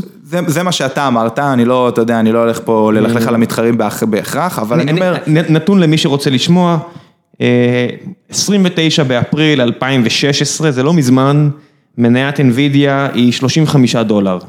אה, כן. סוף 2018, מניית NVIDIA הייתה 700 אחוז יותר מזה, כן. עם אה, אה, מחיר מניה של כמעט אה, 300, מי אז שהיה- מאז זה טיפה ירד. מי, מי שהיה שם והמתין זה כמו אקזיט, תכלס. מה זה, זה אקזיט, מה הכוונה? זה אקזיט, כן. שאנשים לא יחיו בסרט. אז מאז זה קצת ירד, אבל עם כל הכבוד, גם עכשיו, זה עדיין פי חמש או פי ארבע ממה שהיה, ולא רק על איזושהי התנפחות בועתית בעולם, אלא כי NVIDIA באמת ייצרו צ'יפים, את אותם GPUs, בניגוד ל-CPUs, שזה מעבדים שפעם היו משמשים למשחקים ותו לא, ואז איזה מישהו אמר, היי, יש לזה שימוש אחר לשיטה כן. שבה המעבד הזה עובד, לא ניכנס פה לפרטים טכניים, בקרוב יהיה פה אה, פרק עם אה, מישהו, איזשהו פרק בשיתוף פעולה עם אינטל, שזה החבר'ה שקנו את המעסיק הקודם שלך דרך אגב, למי שלא יודע, אה, והם באמת אולי יסבירו כן. טיפה יותר, אבל לא ניכנס לזה, אבל אני אומר, NVIDIA באמת ממש טובים במה שהם עושים.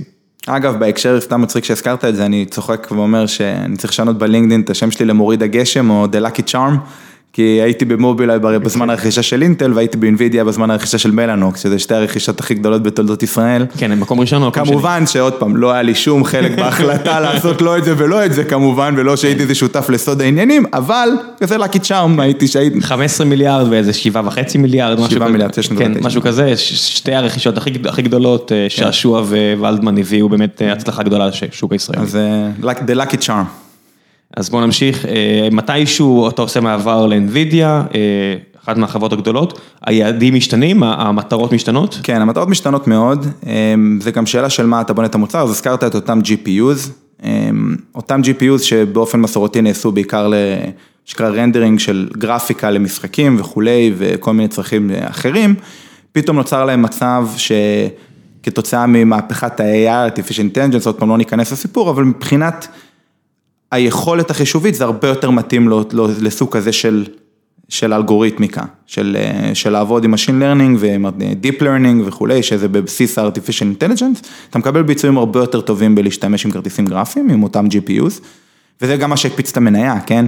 שוק, שוק הגיימינג העולמי הוא די רווי, אין יותר מדי לאיפה לגדול שם, מה שהקפיץ את המניה. הוא גדל בצורה ליניארית כן, נניח, הוא לא גדל אקספוננציאלית. כן, אז מה שגדל אקספוננציאלית זה באמת תחום ה-AI, לא, ובאופן מאוד טבעי גם NVIDIA התחילה להשקיע המון אמ, בסופטוור וביכולת לפתח על זה, ואחד הוקטורים הכי גדולים שהם בחרו להשקיע זה רכבים אוטונומיים, אז אנחנו לא עושים רק הארדוור, אנחנו גם עובדים המון על קאמרה פרספשן ולוגיקה של רכבים אוטונומיים וכולי, ואנחנו עושים המון. כן, זה אותו פליי של אינטל דרך אגב, של אתה מייצר את המעבד וגם יש לך קבוצה, נגיד בחיפה יש את הקבוצות האלה של איך לסחוט ממנו את המיץ. כן, אבל ההבדל הגדול הוא שהפוקוס של NVIDIA המון זמן היה רכבים אוטונומיים ולא ADAS, מה שנקרא Active Safety או Driving, Driving Assist System. החצי אוטונומית, כמו ש... כן, חצי אוטונומית, אז, כן. אז מן הסתם אתה לא פונה לכל שחקן קטן שהזכרתי במובילאיי, שמה אכפת לך על הדרך לאסוף, אתה מתמקד רק באלה שיש להם את הכסף, את הרצון, את היכולת, שרוצים לעשות את זה, אז הפוקוס זה קצת שונה.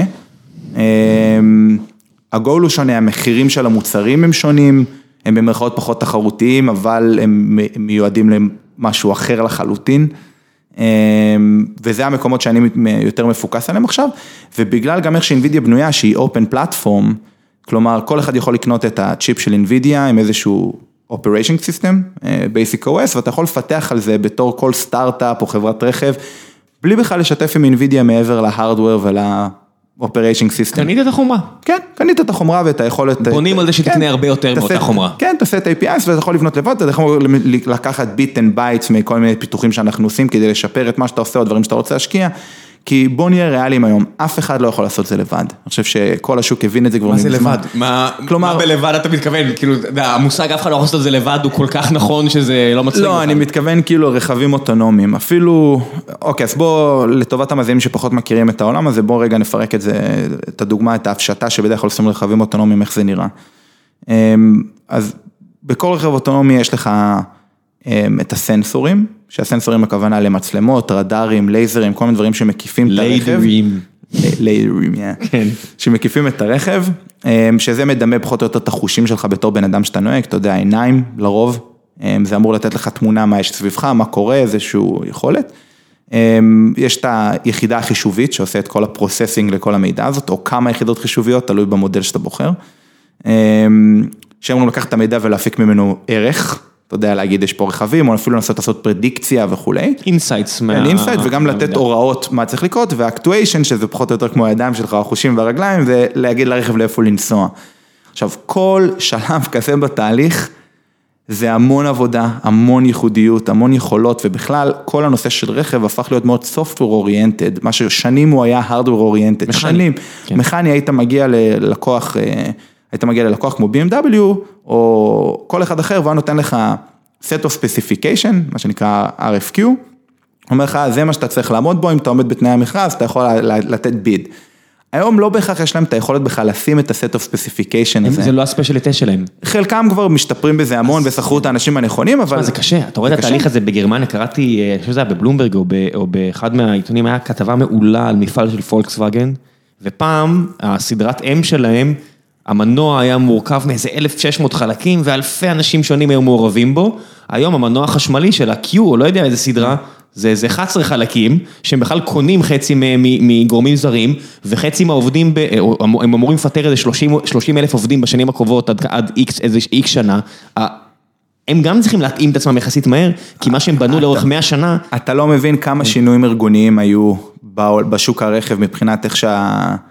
כאילו, השוק, בתור מבנה ארגוני של כל חברה וחברה, זה השתנה בצורה דרסטית, אני ראיתי את זה בסין בלייב, כי זה קצת הגיע באיחור, כשאני נחתי בסין זה היה בנוי X, והיום זה כבר בנוי Y, כל ארגון שינה, פתח מחלקות שונות, זה שינה לחלוטין איך שדברים בנויים כדי להתאים את עצמו לכל מה שקשור למהפכה האוטונומית בשוק הרכב. גם לא רק מהפכה אוטונומית, גם מהפכה חשמלית. כן, גם לא מהפכה חשמלית לא וגם וגם קונקטיביטי, אתה יודע, גם כל היכולת לקבל תוכן בתוך הרכב עכשיו זה השתנה לחלוטין, וכל החיבור לאינטרנט כן, וכולי, ו 5G כן, כן. וכולי. זה לא סתם סיסמאות, זאת אומרת. זה לא סיסמאות, זה דברים שקורים on a daily basis, והם שינו לחלוטין את איך שנראה כל חברה וחברה בפני עצמה, איך שהיא נראית, היא נראית אחרת לחלוטין היום בגלל הדברים האלה. תוסיף סקיורטי, ישב פה יובל דיסקין, שרוב העבודה שלו זה למכור לאותן חברות פתרונות אבטחה. כן, כמובן שאתה יכול להסתכל על טרור ברכבים אוטונומיים, כן, משום שתלת לך על הרכב האוטונומי, יכול לגמור בתאונה מאוד קריטית, כן, יש, יש הרבה, מונחים שאפשר להסתכל עליהם, אז כמובן שגם ל cyber security יש מקום ענק, וזה עוד דוגמה לכמה חלקים יש בפאזל הזה, וכמה התמחויות שונות יש, שאף אחד לא יכול לעשות את זה לבד, אפילו גוגל, חברת הבת של גוגל ויימו, שנחשבת המובילה בשוק, אה,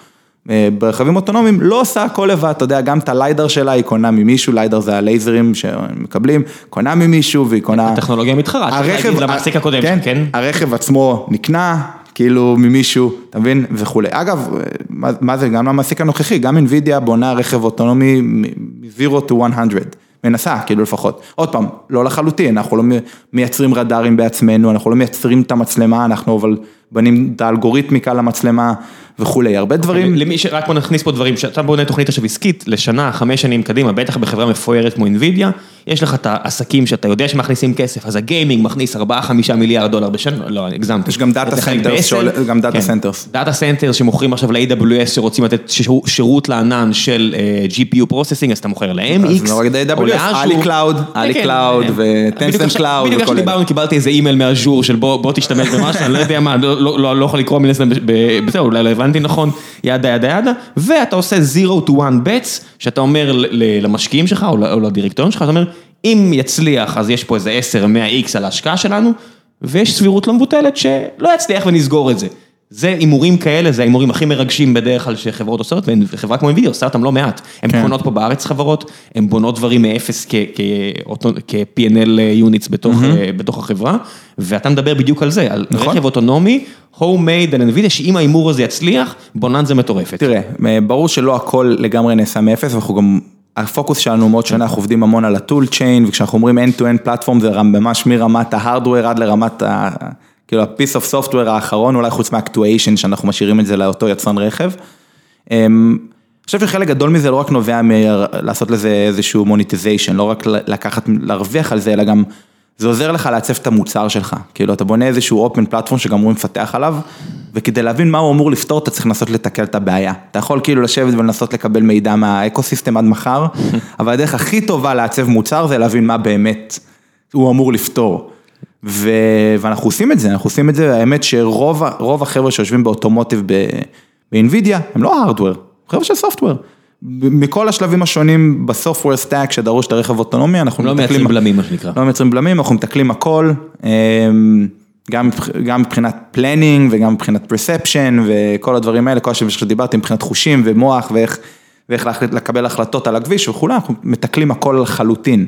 איך זה נראה מבחינת אה, השוק הסיני מבחינתך, החוויה שלך, הרי כשאתה עובד בחברה ישראלית, ישראל יש שם יחסית מגניב בסין, נתקלתי נכון, בעצמי כל מיני מקומות. זה המדינה היחידה בעולם שיש לנו באמת כאילו דימוי חיובי. כן, כן, דימוי דימוי חיובי לחלוטין. ממש, זה בקטע לא מחובר למציאות הרבה פעמים, כן. ואתה אומר, אוקיי, סבבה, לא לא, לא נהרוס להם את את, את כן. העניין הזה, חלק בסדר, חלק בסדר, חלק בלא. אתה מגיע עכשיו לעבוד באנבידיה בתקופה סופר מתוחה בין ארה"ב לסין על אה, נכון. הסכמי סחר ועל הסכמי עבודה, ויש לך שי ג'ינפינג וטראמפ ש... מוציאים את הסרגלים ומשווים. שני קאבויים, כן. אה, אחד קאבוי, השני זה לא באמת סוס, כן. זה זברה, אתה יודע, והוא צועק דברים. אה, איך זה נראה? איך זה מרגיש? זאת אומרת, יש לך עובדים סינים שאומרים, לא בא לי טוב כל הסיפור הזה, ועובדים לעבוד בחברה לא, סינית? קודם כל, אתה יודע, אתה בסוף מדבר על שוק כלכלי, זה לא בא טוב לאף אחד. זה אפילו לא בא טוב לאותם state-owned enterprise שאמורים להיות כאילו in line with the government, אמורים לתמוך בכל מה שהממשל אומר, גם הם בשיחות סגורות יגידו לך, תשמע, זה ברע. אה, וזה לא רק אינווידיה, כן, אתה יודע, זה תחום אחד, אתה יודע כמה חלקים מארצות הברית נמכרים בסין או קשורים לשוק הרכב הסיני, אז כמובן שכולם בפאניקה מזה, זה לא בא לאף אחד בטוב האסקלציות, כל המיסים האלה מייקרים לכולם את החיים, לשני הצדדים. פלדה אה, מצד אחד, טכנולוגיה כן, מצד שני. זה בא רע מאוד, וזה, וכולם חוששים מזה באיזשהו מידה, כמובן כולם מנסים להישאר אופטימיים, זה בינתיים לא פוגע לנו באופן ישיר, אני מרגיש, בעסקים, עוד לא הרגשנו את זה. כי הממשל הסיני עדיין לא כזה מחזיר מלחמה, צריך להגיד. כן, גם חשוב להגיד שיש כל מיני דרכים מאוד יצירתיות שהממשל הסיני יכול להחזיר מלחמה, אני יכול לתת לך כמה דוגמאות מעניינות אפילו בשוק הרכב. גם יפן ובתורה דרום קוריאה, לא, עד לא מזמן, אמ, היה להם חרם צרכנים. שפגע להם במכירות בצורה דרסטית במשך שנים. בגלל המריבה על האיים ליד טוקיו ו... כל מיני סיבות, גם, גם, גם עם דרום קוריאה, בגלל יחסים עם צפון קוריאה וכל מיני כאלה, היה פשוט חרם צרכנים, כשהחרם צרכנים על כל המוצרים, גם משפיע על שוק הרכב, כן? וזה נובע לא כי הממשל בא ואומר, אתה יודע, באופן רשמי, יש חרם צרכנים על דרום קוריאה שאף אחד לא יעז לקנות משם מוצר. לא, אבל הוא עושה את זה בדרכו שלו, אומר, "אה, תסתכלו, יש לנו, יש את המוצרים האלה, אנחנו מאוד ממליצים לקנות אותם, וזה עובד בסין, זה עובד, כל המסת המונים, הדבר הזה עובד. אל תקנו ו- סמס- אל תקנו סמסונג, יש חוואווי. לא, הם לא אומרים אל תקנו סמסונג, הם אומרים, תראו, חוואווי, תראו איזה טוב זה. כאילו, זה בא אחרת, הם לא יגידו לך לעשות את זה, זה לא יהיה חרם ריש גלי, כן. ריש גלי. זה יהיה חרם אקטיבי, זה פשוט לא יהיה ריש גלי. זה לא יהיה, הם לא יגידו את המילים, אנחנו עושים חרם על מישהו, אבל זה עובד. זה עובד וזה זה פוגע, ואם הם החליטו שהם עושים את זה על מוצרים מארצות הברית, זה יפגע באייפון. השוק הכי גדול בעולם, זה כן, יפגע פה- באייפון, זה יפגע בשוק הרכב מארצות הברית בצורה דרסטית, זה גם יכול לפגוע באינווידיה, זה יכול לפגוע בהמון חברות. השוק הכי גדול מחוץ לארצות הברית התכוונתי, כן. אל ת- אל כן. לתקן אותי בתגובות, ברור לא, שארצות הברית לא, זה עדיין... אה, לא, לא, לא, לא, אני חושב- שמבחינת אה, תוצר הם כבר עברו את ארצות הברית, זה השוק הגדול. לא, לא. לא, אני מדבר בסופו של דבר, בסדר, אבל הם קונים הרבה אה, סחורה פנימית. אני אומר, עבור נגיד אפל, עבור גוגל, עבור כל... אייפון, לא יכולה להרשות לעצמה לאבד, אפל לא יכולה להרשות לעצמה לאבד את סין, וגם, השוק- כי זה השוק השני הכי גדול כן, מחוץ לארצות וגם הברית, לצורך כן. העניין גם ג'נרל מוטורס, חצי מהמכירות שלהם זה סין, כאילו אם הם מאבדים את סין נגמר, הם גם ככה שלפו את עצמם החוצה כמעט מכל, פעם היה להם נוכחות באוסטרליה, ברוסיה, באינדונזיה, הודו, שלפו הכל החוצה, הם כרגע מושקעים, בקושי מוכרים באירופה מכוניות, יש להם פחות או יותר, גם בישראל הם כמעט לא פה, כן, אולי שברולט אתה יכול לראות, אבל ג'נרל מוטורס בעיקר מת- מתמקדים בשני שווקים, באמת שיש מכירות, זה ארה"ב וסין, הם מאבדים את סין, המצב הוא קט- קטטוני, וזה נכון גם, גם לפורד וגם לפיאט כן, קרייסלר. ויש לך את כל האיקונוליינים וכל האלה שעוד איכשהו... אה, זה יהיה מכה, זה יהיה מכה מאוד קשה לחברות האלה אם הם יאבדו את המכירות שלהם ב... אה, בסין כמובן שבגלל שזה ג'וינט ונצ'ר, גם, גם, גם השוק הסיני ייפגע. כולם, אין, במל- במלחמה כולם מפסידים, גם במלחמה כלכלית, בסופו כן. של דבר, יש כמה פרטים אולי שירוויחו, זאת אומרת, יש כמה אנשים שתמיד שיודעים לעשות שקשוקה כמו שצריך, אבל הרוב יפסידו. לחלוטין. אמ, ותשמע, וכשאתה מסתכל, כשאתה מסתכל על כל הנושא של מלחמת הסחר, אני יכול להגיד לך שבינתיים כולם מקווים לטוב, כל מי שהוא לא הממשל, כמובן שהממשל מת- מתנהל, גם הממשל מקווה לטוב, אבל הם, רוצים יותר לשמור על הסטטוס קוו, בעוד ארצות הברית מתלוננת על הרבה חסמים והיא היא צודקת. חשוב להגיד את זה פה, זה לא, אם ארצות הברית לא מדמיינת כלום, יש המון חסמים, יכול לתת לך חסמים שהם יותר ידועים, כמו שהרגע הזכרנו את ה-50-50, שאתה לא יכול למכור רכב בסין בלי לייצר עם שותף. אז אגב, סין כמחווה של רצון טוב הרימה את זה. אמ, משנת 2019, אם אתה רכב חשמלי, אתה יכול לשלוט 100% מהבעלות שלך, וטסלה באמת נכנסה בתחילת 2019 לסין. עם מותג סיני? לא, טסלה, בונה עכשיו מפעל בשנגחאי, למכור בתוך שנגחאי, כי יש לה 100% בעלות על המפעל, היא לא צריכה לעשות יותר ג'וינט זול ונצ'ר. מאשר להביא מפעלים כן. מיוטה לסין? כן, היא לא צריכה לשלם את ה-25% מס על יבוא, היא יכולה לייצר כאילו בסין. אם הרמה תישאר... אה, היא אמורה להישאר אותו דבר, יש להם את הבקרת איכות שלהם, זה 100% סין, 100% טסלה, לכל דבר, הם לא עושים ג'וינט ונצ'ר, אין לא להם... טריוויאלי. לא טריוויאלי, עכשיו זה התחיל, זה התחיל, אה, אה, זה התחיל עכשיו, וגם הם הולכים לפתוח עד שנת 2022, הם מרימים לחלוטין את כל החסמים, כלומר, BMW בתיאוריה יכולה לפתוח ישות של 100% BMW ולמכור 100%, למכור את הרכבים רק על ידי ייצור פנימי של BMW, אני יכול להגיד לך שכבר כולם... חשמליים, על ה-QC. לא, לא, לא, על לא, על הכל? כל רכב, משנת 2022, אני יכול להגיד לך שכמעט אף אחד לא מתכנן לעשות את זה, כבר כולם יש להם operation going ו... ו... עם שותף סיני? וסלרים וכולי, עם שותף סיני, ועכשיו להתחיל לבנות רשת מכירות חדשה, פרטית, זה בלאגן אטומי. אמ, חלק דיברו על זה שהם ינסו להגדיל את הסטייק שלהם, BMW רוצים, יש להם שותף מאוד קטן סיני שנקרא בריליאנט, שהם מייצרים ביחד את הרכבים של BMW, שהם רוצים להגדיל את היחס שלהם ל-75 מול 25, אבל אף אחד לא כל כך מדבר על 100% עדיין. אבל החסם מוסר, כן, אבל כבר too late, זה כבר די מושרש, כאילו. רצון טוב. רצון טוב, אז כאילו סין מנסה לעשות צעדים, אבל גם בתחום של רכבים אוטונומיים לדוגמה, יש חסם עצום לחברות זרות, גם מובילאיי וגם אינווידיה, אנחנו, מן הסתם מה שעומד בבסיסו של artificial intelligence זה דאטה, אתה צריך המון דאטה. ספציפית בתחום הרכב אתה צריך דאטה מהכבישים, אתה צריך לנסוע עם הרכב, עם הסנסורים, לאסוף דאטה, לעשות עליו כל מיני ניתוחים. מיפוי של הכבישים בכלל באופן כללי. מיפוי זה סיפור אחר, עוד יותר רגיש אפילו בסין, זה בכלל נושא מאוד, מאוד, מאוד רגולטורי, אבל אפשר להתווכח שכתוצאה מאותו אסיפה, בטח עם מצלמות, שאתה הולך ואוסף דאטה, אתה בעצם מצלם הרבה מתקנים רגישים בלי כוונה, אתה יכול לייצר מפה, כמו שאמרת, לייצר מפה, אתה יכול לעשות נגזרת של מפה מתוך אותו דאטה שאספת, אז סין יצרה מצב שאסור לאסוף דאטה בשטחה, בכלל, אלא אם כן יש לך רישיון מיועד לזה, ויש משהו כמו 18 חברות כרגע, שיש להם רישיון לזה, סיניות כולם, אסור שיהיה foreign investment, כאילו, אם יש לך אפילו board אחד שהוא לא, אתה לא תקבל, כאילו, אין כזה דבר, חייב להיות fully owned Chinese, headquarter, הכל בשליטה, ורק להם מותר לאסוף דאטה, כמובן שאם אתה סטארט-אפ סיני קטן אתה תאסוף, כי אף אחד לא יאכוף את זה עליך, אבל אם אתה חברה כמו אינווידיה או אינטל או... או גוגל. או גוגל, אתה לא לוקח את הסיכונים האלה, כי אתה אומר, גוגל פחות, כי אין להם הרבה מה להפסיד, הם לא כל כך בתוך סין. אבל אינווידיה, על איזה data collection, על משהו שכרגע הוא 5% מההכנסות של, של אינווידיה, שוק הרכב, לבוא ולאסוף ולפגוע בשוק שמכניס 30% מהרווחים של אינווידיה גלובלית, לפגוע בו כי עשינו data collection וה, והממשל החליט שהוא תופס אותנו ומעניש אותנו חזק, זה לא שווה את זה. כן, מישהו יצטרך להיות השעיר לעזאזל, כן, אם, זה, לא, אם המצב זה לא. שווה את זה, אז יש כמובן דרכים לעקוף את זה, הן מאוד מורכבות, אבל בצורה חוקית, כן? אבל אני יכול להגיד לך שזה גם לא פייר, כן? אתה יודע, הם יכולים ללכת לנסוע בקליפורניה ולאסוף כמה דאטה שהם רוצים, בעוד שאתה, או בישראל לצורך העניין, ואתה מגיע לסין, וזה unfair competition, פתאום כל החברות המקומיות, כל הסטארט-אפים המקומיים, יש להם יתרון, לא פייר עליך, הם עושים, נוסעים באופן גלוי, אוספים מידע, משפרים את היכולות שלהם, כי מאוד חשוב ב, ב, בתחום הרכב גם לעשות לוקליזציה של האלגוריתמיקה, כי האופי הנהיגה בסין הוא שונה מאופי הנהיגה בישראל ושונה מאופי הנהיגה בארצות הברית, ולפעמים התמרורים שונים ולפעמים ה... ה... לא יודע, יכול הרמזורים. שונים. אתה לא באמת יכול להתחרות בשוק. אתה לא באמת יכול להתחרות, זה הרבה יותר קשה.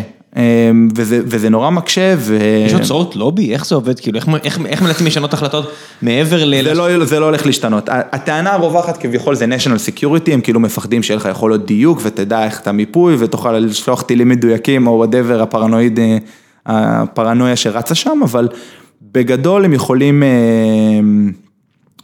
אה, יש, יש כאילו, אני טוען שזה לא רק פרנויה, אני חושב שזה באופן מודע, הם עושים unfair competition כדי לתת, לעזור לשוק לעזור המקומי. לשוק המקומי. וזה קורה בהמון תחומים. אה, אה, במובן הזה, וזה רק דוגמה על שוק הרכב, ואפילו לא מדברים על זה בשיחות הסחר, זה לא חלק מהשיחות לצורך העניין. כי זה לא על השולחן. זה לא על השולחן, אבל זה נתתי לך דוגמה וזה בעיה אמיתית שכולם נתקלים בה מהחברות הזרות שמנסות למצוא פתרונות לתוך סין.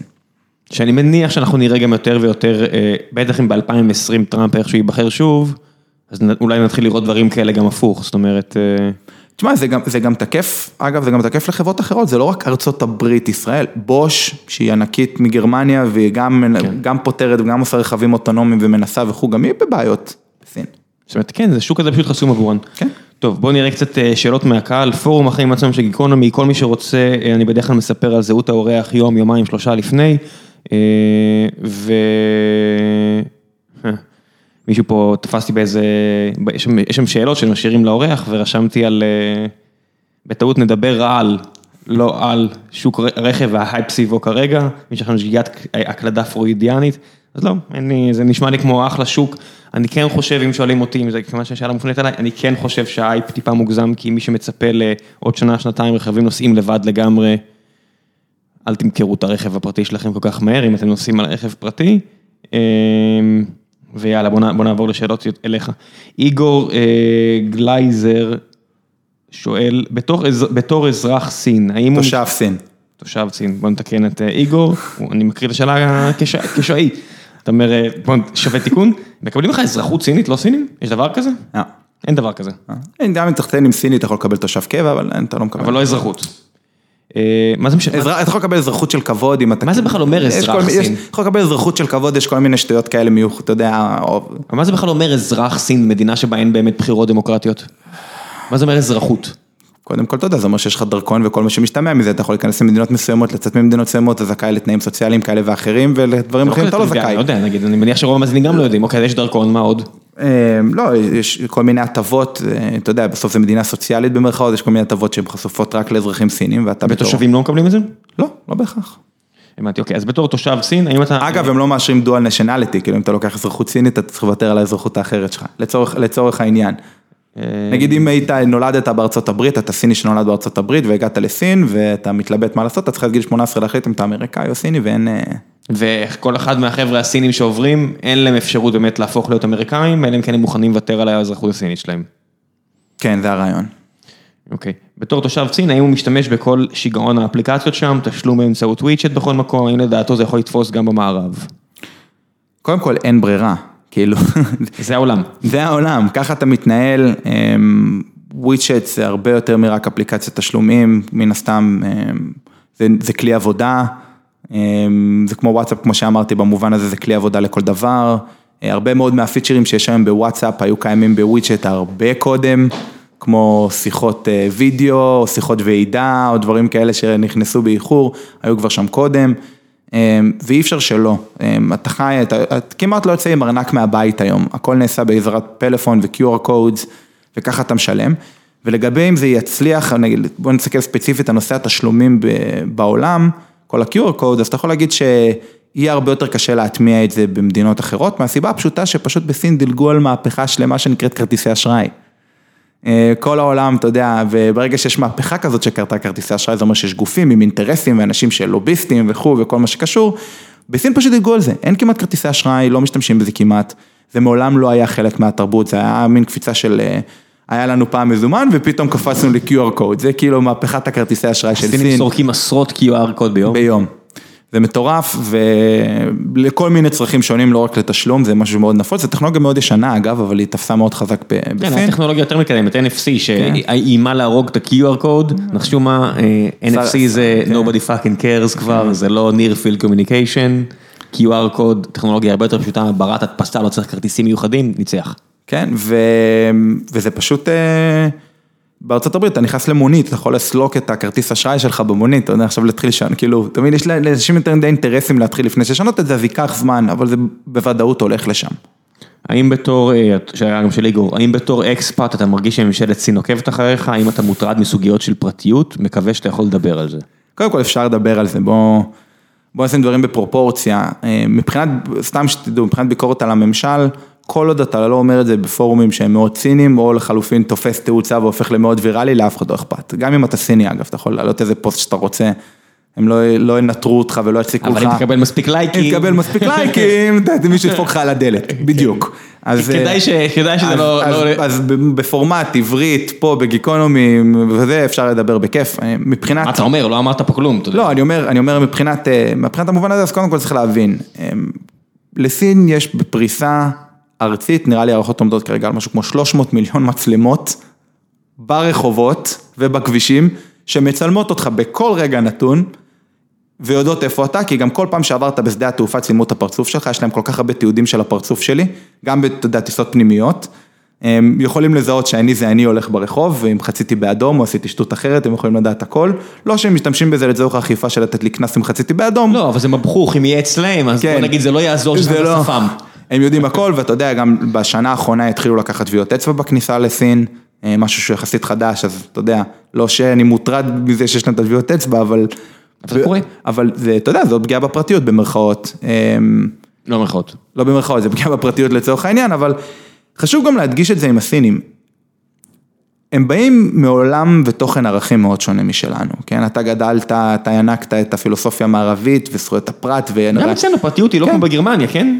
כן, אבל אני אומר, כל עקרונות הדמוקרטיה והדברים שאתה יודע, גדלנו עליהם במערב, וסוקרטס ואפלטון ורומא, ואתה יודע, כל הדברים האלה, וכל זכויות הפרט והחשיבות של פרטיות, לא קיים בסין. הם גדלו על דברים שונים, הם גדלו בין השאר על קונפוציוס, שתומך בהרמוניה ויחסים ושליט וכו', והמושג פרטיות בסין הוא מושג קצת אחר, אין כל כך אפילו מילה שמתאימה לזה בסינית, כאילו יש המון... יש לזה משמעות קצת שונה והם לא מתייחסים לזה באותו אופן וזה פחות מפריע להם בשוטף, אתה יודע, זה לא מטריד אותם כמו שזה מטריד אותך, שאתה הולך ברחוב, אתה מזדהה. אני שוב אומר, אני לא בטוח שזה מטריד אותי, אני, אתה יודע, יש לנו אפשרות... גם אותי באופן אישי זה לא מטריד, זה אפילו מצמצם פשע בצורה דרסטית, אני יכול להגיד לך שאני לא מרגיש שעוקבים אחריי, לפעמים אנחנו משתעשעים, אתה יודע שאם יש איזה... גליץ' בטלפון, אומרים אוקיי מישהו עלה על הקו, אבל זה תמיד בדיחות וזה גם לא באמת מפריע ואני לא... אנחנו חיים במדינה שמאזינים לשיחות שלנו, יש יחידה צה"לית שזה התפקיד שלה, צאו מהסרט. כן, אז ברור שהם מנטרים הכל, הם שולטים על האינטרנט והם מנטרים הכל, ואם אתה תקליט את הדברים הנכונים ויש שורות חיפוש שאתה לא יכול לחפש, יש דברים שאתה לא יכול למצוא בחיפוש באינטרנט. יש אירועים שקרו בשנות ה-80-90 שאתה יודע, לא קרו. כן, 89 שם, כן. כן, כזה. שאתה לא יכול, שאי אפשר לדבר עליהם, ועוד כל מיני דברים יותר אקטואליים שאי אפשר לדבר עליהם. בצורה גלויה. משהו קורה בהונג קונג, לא, תסתכל אחורה. תאכל משהו, די, תזמין משהו. הונג קונג אגב זה דוגמה מצוינת לסבלנות הסינית. אתה יודע, זה היה מיליון איש יצאו לרחובות, אז אמרו בסדר, נדחה את ההחלטה. בסדר, אני מזכיר לך, אתה יודע, 97 או לא יודע איזה שנה הם קיבלו את זה מהבריטים. 50 שנה. 50 שנה, בתום ה-50 שנה זה הופך להיות סיני לגמרי. כן, אבל בלי שום קשר, אתה יודע, יש להם סבלנות. מצד שני, אבל שנג'ן וכל מיני כאלה. סגרו את הפער, זאת אומרת יש לך את הריבוע הזה שם של שנג'ן, מקאו, גואנג'ו ומהצד השני מה זה סינגפור, זה כאילו הריבוע שמציירים? לא סינגפור, זה מקאו, מקאו, הונג קונג, גואנג'ו ושנג'ן, תכלס. לא, זה בסין, אני אומר, אבל אם אתה מחבר את זה גם עם סינגפור, זו בירה פיננסית כן. עולמית, אז אתה מחבר כאילו ערים די חופשיות. כן, אבל אמ, אבל הם עדיין סין, זה לא הונג קונג.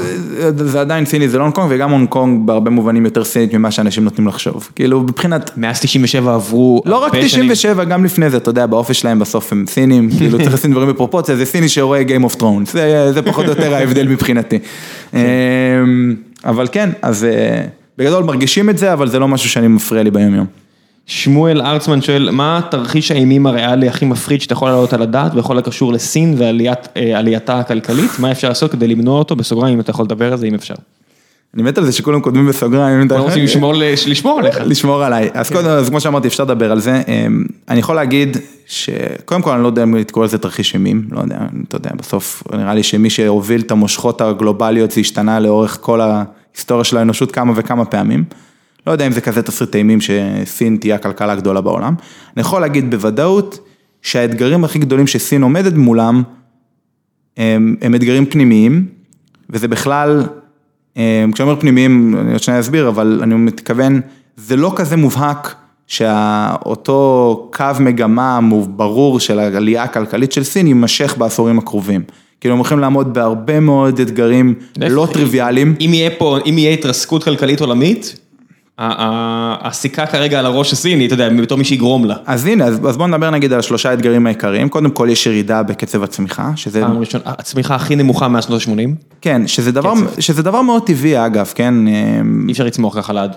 אי אפשר לצמוח ככה לעד, אני חושב שזה, כמו שאמרתי, ההכשרה שלי זה כלכלה בעברית, וגם אה, זעיר, פרופסור זעיר התארח פה, לקחתי אצלו קורס באמת על כלכלת ישראל, והוא מדבר על נקודת השבר בשנת 73, שעד אותו רגע כלכלת ישראל צמחה ב-5.5 אחוז, 5.5 אחוזים. כן, רק שנשים על זה, הכל- הכלכלה הסינית שעכשיו זה השיעור הכי נמוך שלה, כן. זה עדיין יותר מ-6 אחוז. כן, זה עדיין יותר מ-6 אחוז, ומשנת 73 התיישרנו עם המדינות המפותחות, ומשהו כמו 2 אחוזים בשנה, נדבר על ישראל רגע. כן, שזה אומר שאתה לא באמת גדל, כי האוכלוסייה גדלה בקצב דומה. אומר, כאילו, והוא אומר בשנת 73, הוא אומר, למה אתם חושבים שזה קרה? ואתה יודע, כולם זורקים מלחמת יום כיפור, כל מנסים כזה לתת רעיונות ודברים אזוריים, ואז הוא אומר, חברים, זה פשוט קרה, כי אם היינו ממשיכים לגדול בקצב הזה, היינו עוברים את ארצות הברית, זה לא יכול לקרות.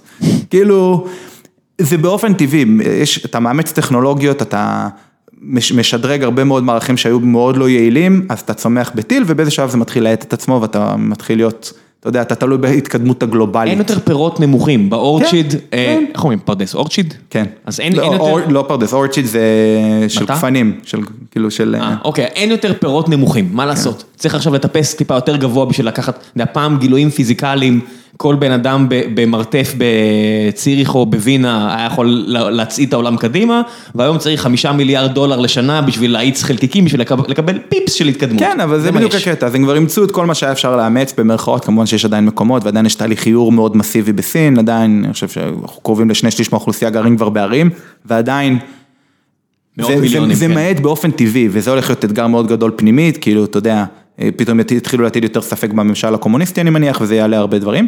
דבר שני שמאוד משפיע זה אמ, גודל החוב הסיני, הוא עצום. פעם היה מתחת ל-100 אחוז, היום הרבה מעל.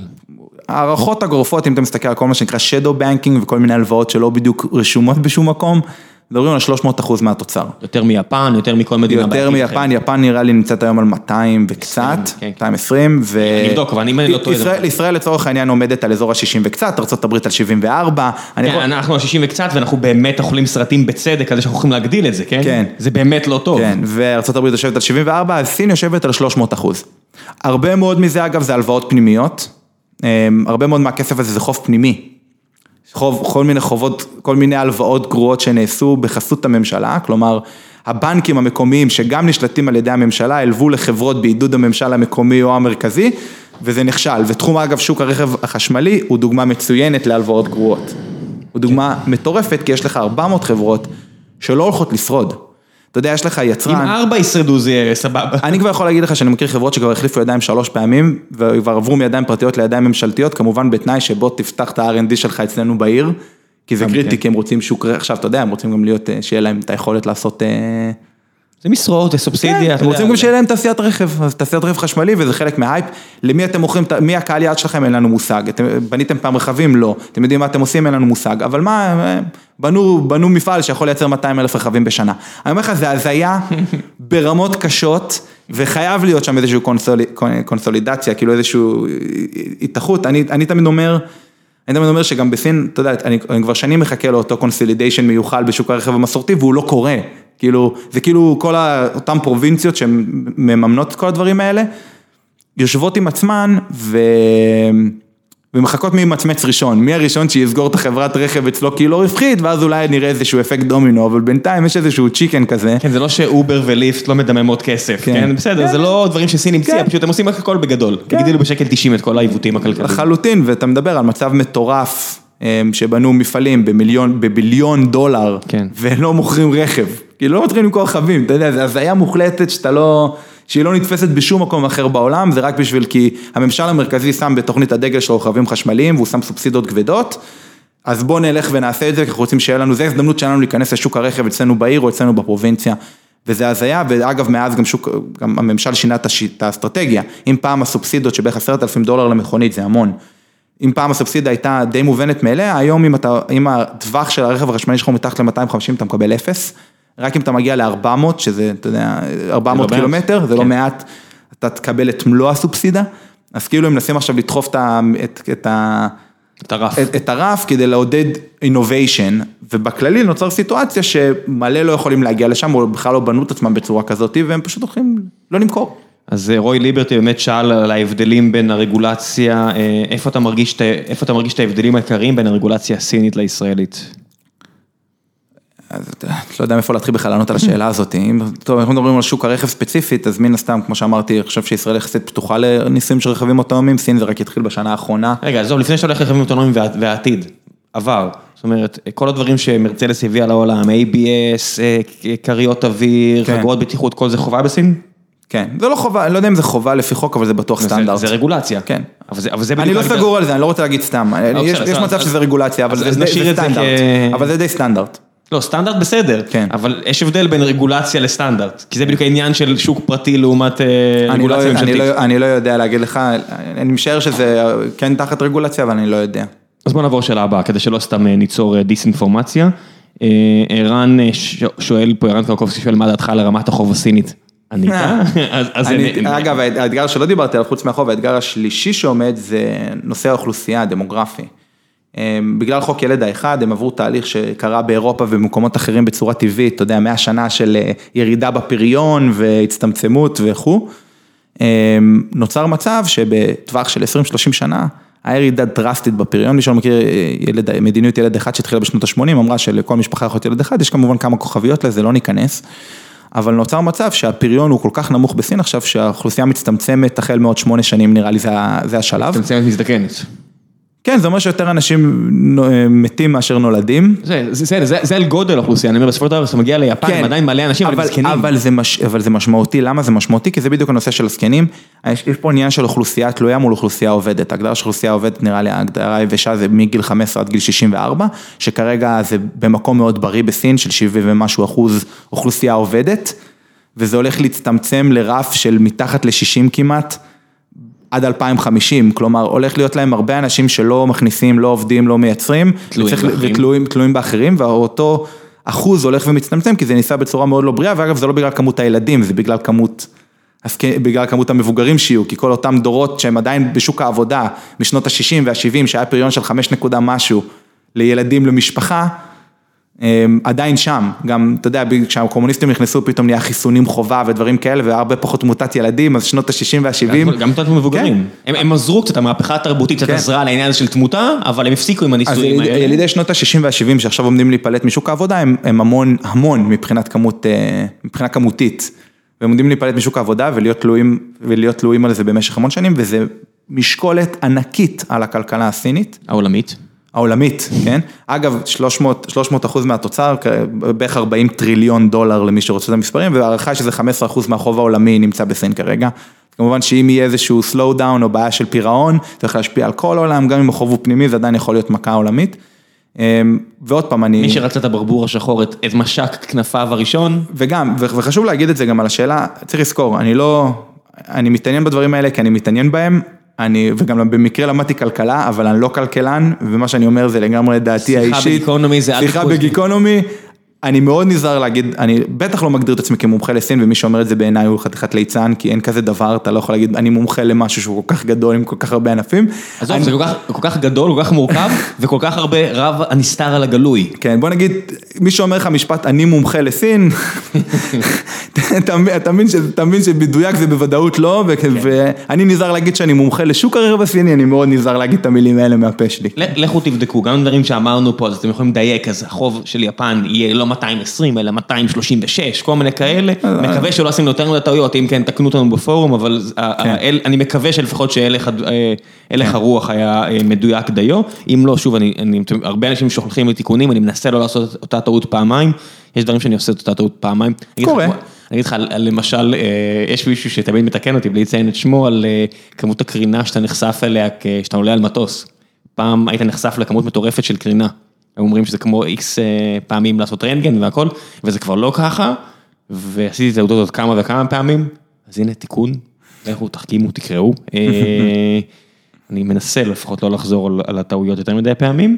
אה, בוא נעשה עוד שאלה אחת ואז נעבור להמלצות.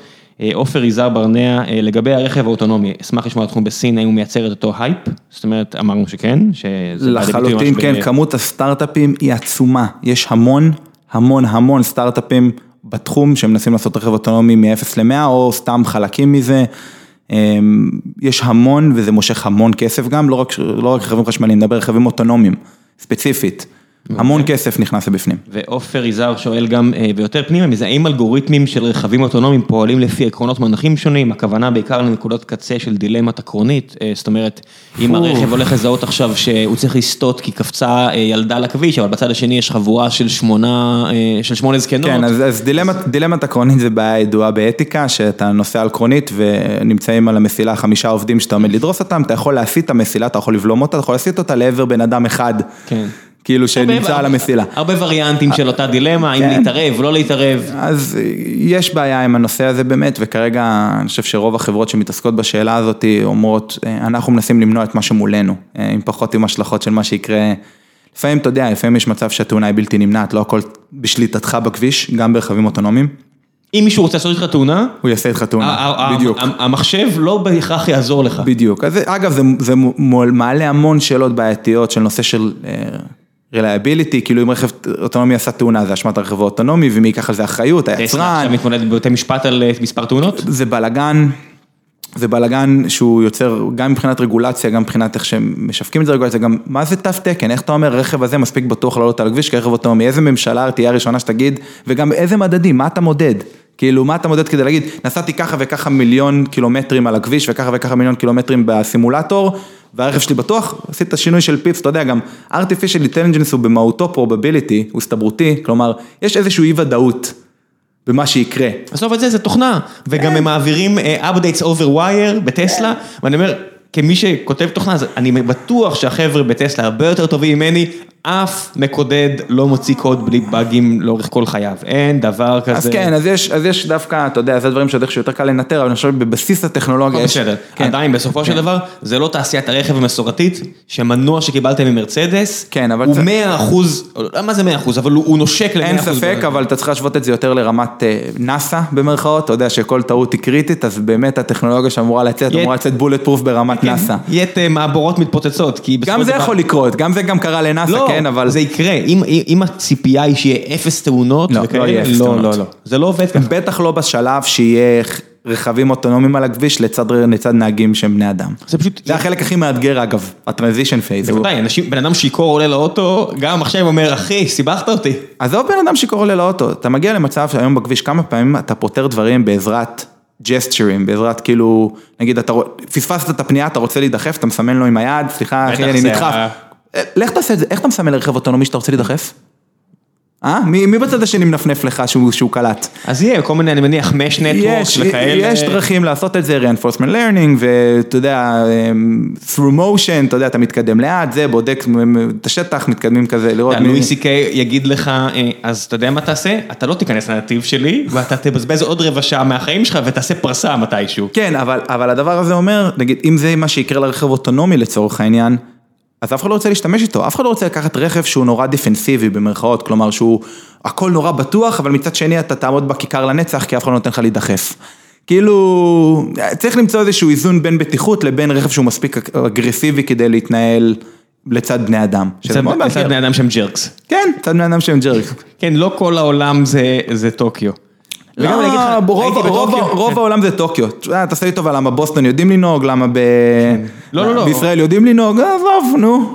לא יודע, אבל אני, יש מקומות שזה גרוע בצורה קיצונית. נכון. הכל הוא- הכל הוא סקאלה, אבל אין ספק שאם אתה תבנה מגיע משהו... למצרים באמת, אתה אומר, fucking היי, מה נסגר איתכם?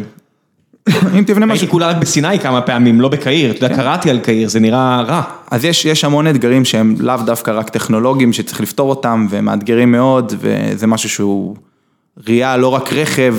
אני רק אומר כן, זה, זה בנוגע להתקדמות, אספנו המון פירות נמוכים כאנושות, לא בטוח שזה יהיה לאט, צריך גם להתכונן לרגע שהטרפת הזאת היא קצת תאט. או שכן או שלא, אני לא יודע מה. טוב, יאללה, המלצות, על מה, על מה, על מה בא לך להמליץ?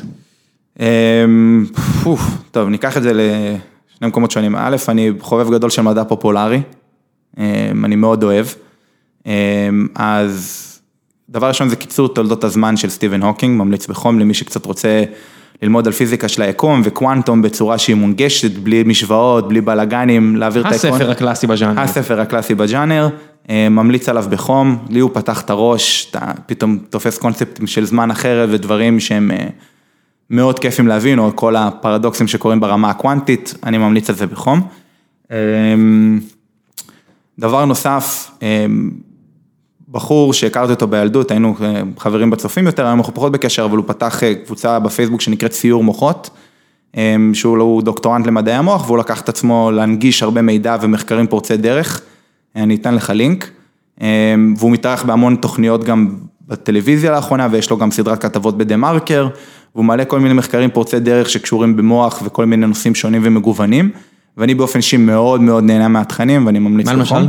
מה יש שם? היה על אה, פוטבול ופגיעות של זעזועי מוח ואיך זה משפיע על כל מיני מחלות שקשורות בדימנציה, והיה על מוחות מגדריים, והיה על אה, כל מיני דברים שונים ומשונים, ואני ממליץ בחום להיכנס, עושה את זה מאוד מונגש, שבדרך כלל נותן גם איזשהו לינק לכתבת המשך וכל מיני דברים כאלה.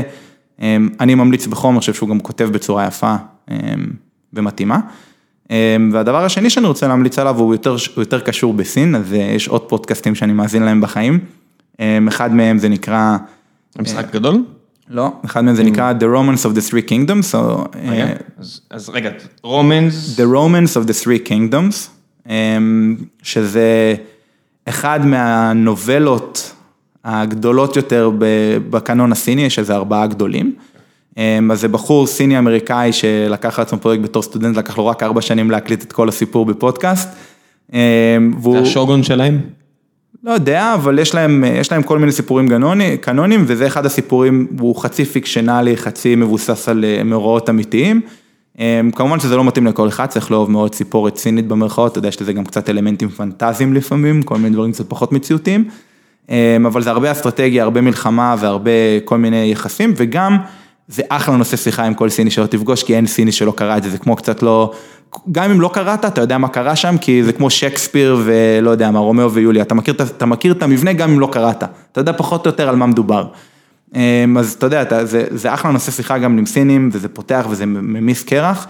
אה, ואותו בחור, ג'ון ג'ו, אני אשלח לך, הוא נמצא באי- באייפוד פודקאסט. אז רגע, אז The Roman of the Three Kingdoms, קיצור תולדות the הזמן, ומה. השלישי? סיור מוחות דיברנו עליו. סי- סיור מוחות. סיור מוחות זה אותו דף בפייסבוק של, אה, של הבחור שדיברתי עליו. והדבר האחרון זה נקרא The Water Margin. אה, זה גם אחד מאותם ארבעה סיפורים קנונים, הוא בדיוק התחיל, הוא בינתיים הקליט משהו כמו 25 פרקים. אודיו? אותו בחור, אודיו, אותו בחור של The Romans of the Three Kingdom, מקליט עכשיו עוד סיפור מהסיפורים הקנונים. אה, גם ממליץ בחום, תנו לו צ'אנס, זה היה הפודקאסט הראשון שלו היה The Romans of the Three Kingdom, תנו לזה עשרה פרקים לעבור, הוא משתפר ממש, גם האודיו משתפר, הכל משתפר, אה, ממליץ לכם, אה, ממליץ בחום. מעולה. אני אמליץ על אה, שני דברים. אה, מאזין בשם אה, אוהד, לקח ממש ללב את כל מה שקשור לבעיה בארץ, שכל ה- שכל ההייטק מרוכז פה בשטח נורא נורא מצומצם. והוא מייצג קבוצה שמפ... אני אקריא קצת את מה שהוא כתב לי, אז אמרתי, אני אתן לו, אה, אני אנסה לעזור לו, כי זו מטרה טובה. לתת לו במה. כן, אז הוא מייצג קבוצה שמפתחים בעלי ניסיון רב, מנהלי פרויקטים וראשי צוותים מהיחידות המובחרות של צה"ל, הטכנולוגיות, זאת אומרת ממר"ם, 8200, 81, כל הבוג'רס הזה, שהתאגדו במטרה לייצר פתרון התיישבותי בגליל, כאלטרנטיבה לשחיקת המחירים במרכז, אה, וכאמצעי לשיפור איכות החיים והזדמנות להגשמה אה, עצמית וערכית בישראל. הם מאמינים שתעשיית ההייטק, אשר מהווה את אחד ממנועי הצמיחה המרכזיים של מדינת ישראל, יכולה וצריכה להיות מנוע הצמיחה המשמעותי של הגליל, והחלום שלהם הוא להפוך את הגליל למרכז חדשנות עתירת ידע באמצעות הרחבת וגיוון חברות ההייטק הפועלות באזור. הם יצרו תשתית אה, שמאפשרים, אה, מאפשרת אה, יבוא מהנדסים והמשפחות שלהם מהמרכז, הכשרה יהודית מסובסדת, חיבור חרדים למעגל כוח העבודה, והם מעוניינים לשוחח עם גורמי מפתח בחברות ההייטק כדי ללמוד ולהבין את העמדות שלהם בנושא, כדי שיוכלו לשפר את הפתרונות שהם מציעים, והם ישמחו לכל עזרה אפשרית. אז אני אשים שם את האימייל של אותו אוהד, וכל מי שבא לו לדבר איתו על הנושא הזה ומרגיש חיבור לנושא, שייצור איתו קשר. ואני אמליץ על איזושהי פיסת תוכן שהזכרת, כי אחד המשקיעים שלנו שאני מאוד אוהב, מדי פעם אנחנו ממליצים אחד על שני, אז הוא אמר לי, עזוב שניות, עזוב שטויות, יש לך חור בהשכלה, לך תשמע או תקרא את Politics של איזה אחד אריסטו, ספר די עתיק, יותר מ-10 או 20 שנה אחורה, ודי מדהים להאזין או לקרוא את זה ולקלוט שהדוד הזה כתב את זה כל כך מזמן, מזמן. וזה עדיין, שמע, זה לא להגיד שזה מחזיק מים לגמרי, כי יש פה. עבדים ויש שם את כל מיני דברים כאלה, אבל הרעיונות, אתה יודע...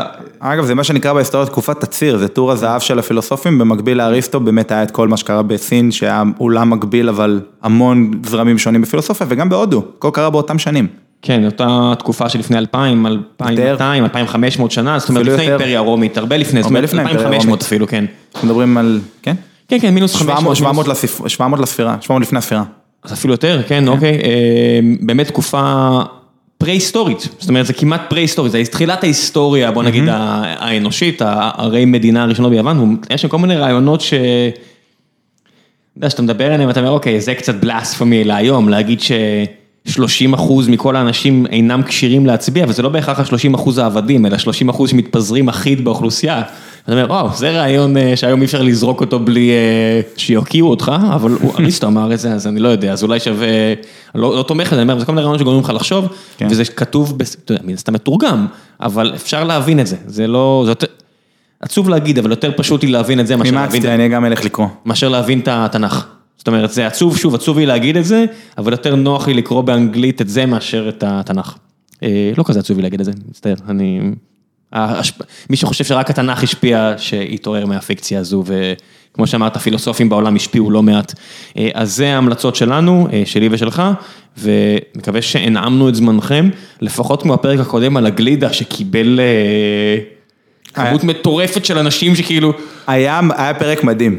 תשמע, היה פרק מדהים. מישהו עצר אותי על אבן גבירול, ואומר לי, אתה דורון? אני אומר לו, ראם, תקשיב דורון, הייתי עכשיו בווניליה, הסיצילנית יותר טובה. אמרתי, אוקיי. אוקיי, אז הנה, יש גם המלצה לסיציליאנית ליד ונילייה. כמו שהוא דיבר, כמו שהוא דיבר על גלידות, זה היה פשוט תענוג, זה היה שמו כמו ילד קטן מדבר על ממתקים בפשן, כן, אבל זה לא, מדען מטורף על גלידות. מדען מטורף, עם ידע, אני הייתי בהלם, וחייב לציין שמאוד נהניתי מהפרק. קיצור, הבנתי את הרמז, ואני מביא אנשים עכשיו שהם ידע ורטיקלי על אוכל. זאת אומרת, אז מישהו שמכין נקניקיות, אין הרבה כאלה בארץ שהם מומחים לנקניקיות, אני מביא אחד מאלה, עוד מעט, מקווה שיהיה מעניין כמו הבחור עם הגלידות, וכמו שהיה לכם מעניין מקווה גם הפעם, על כלי רכב וסין, אז תודה רבה שהגעת. בשמחה. יאללה, ביי חבר'ה.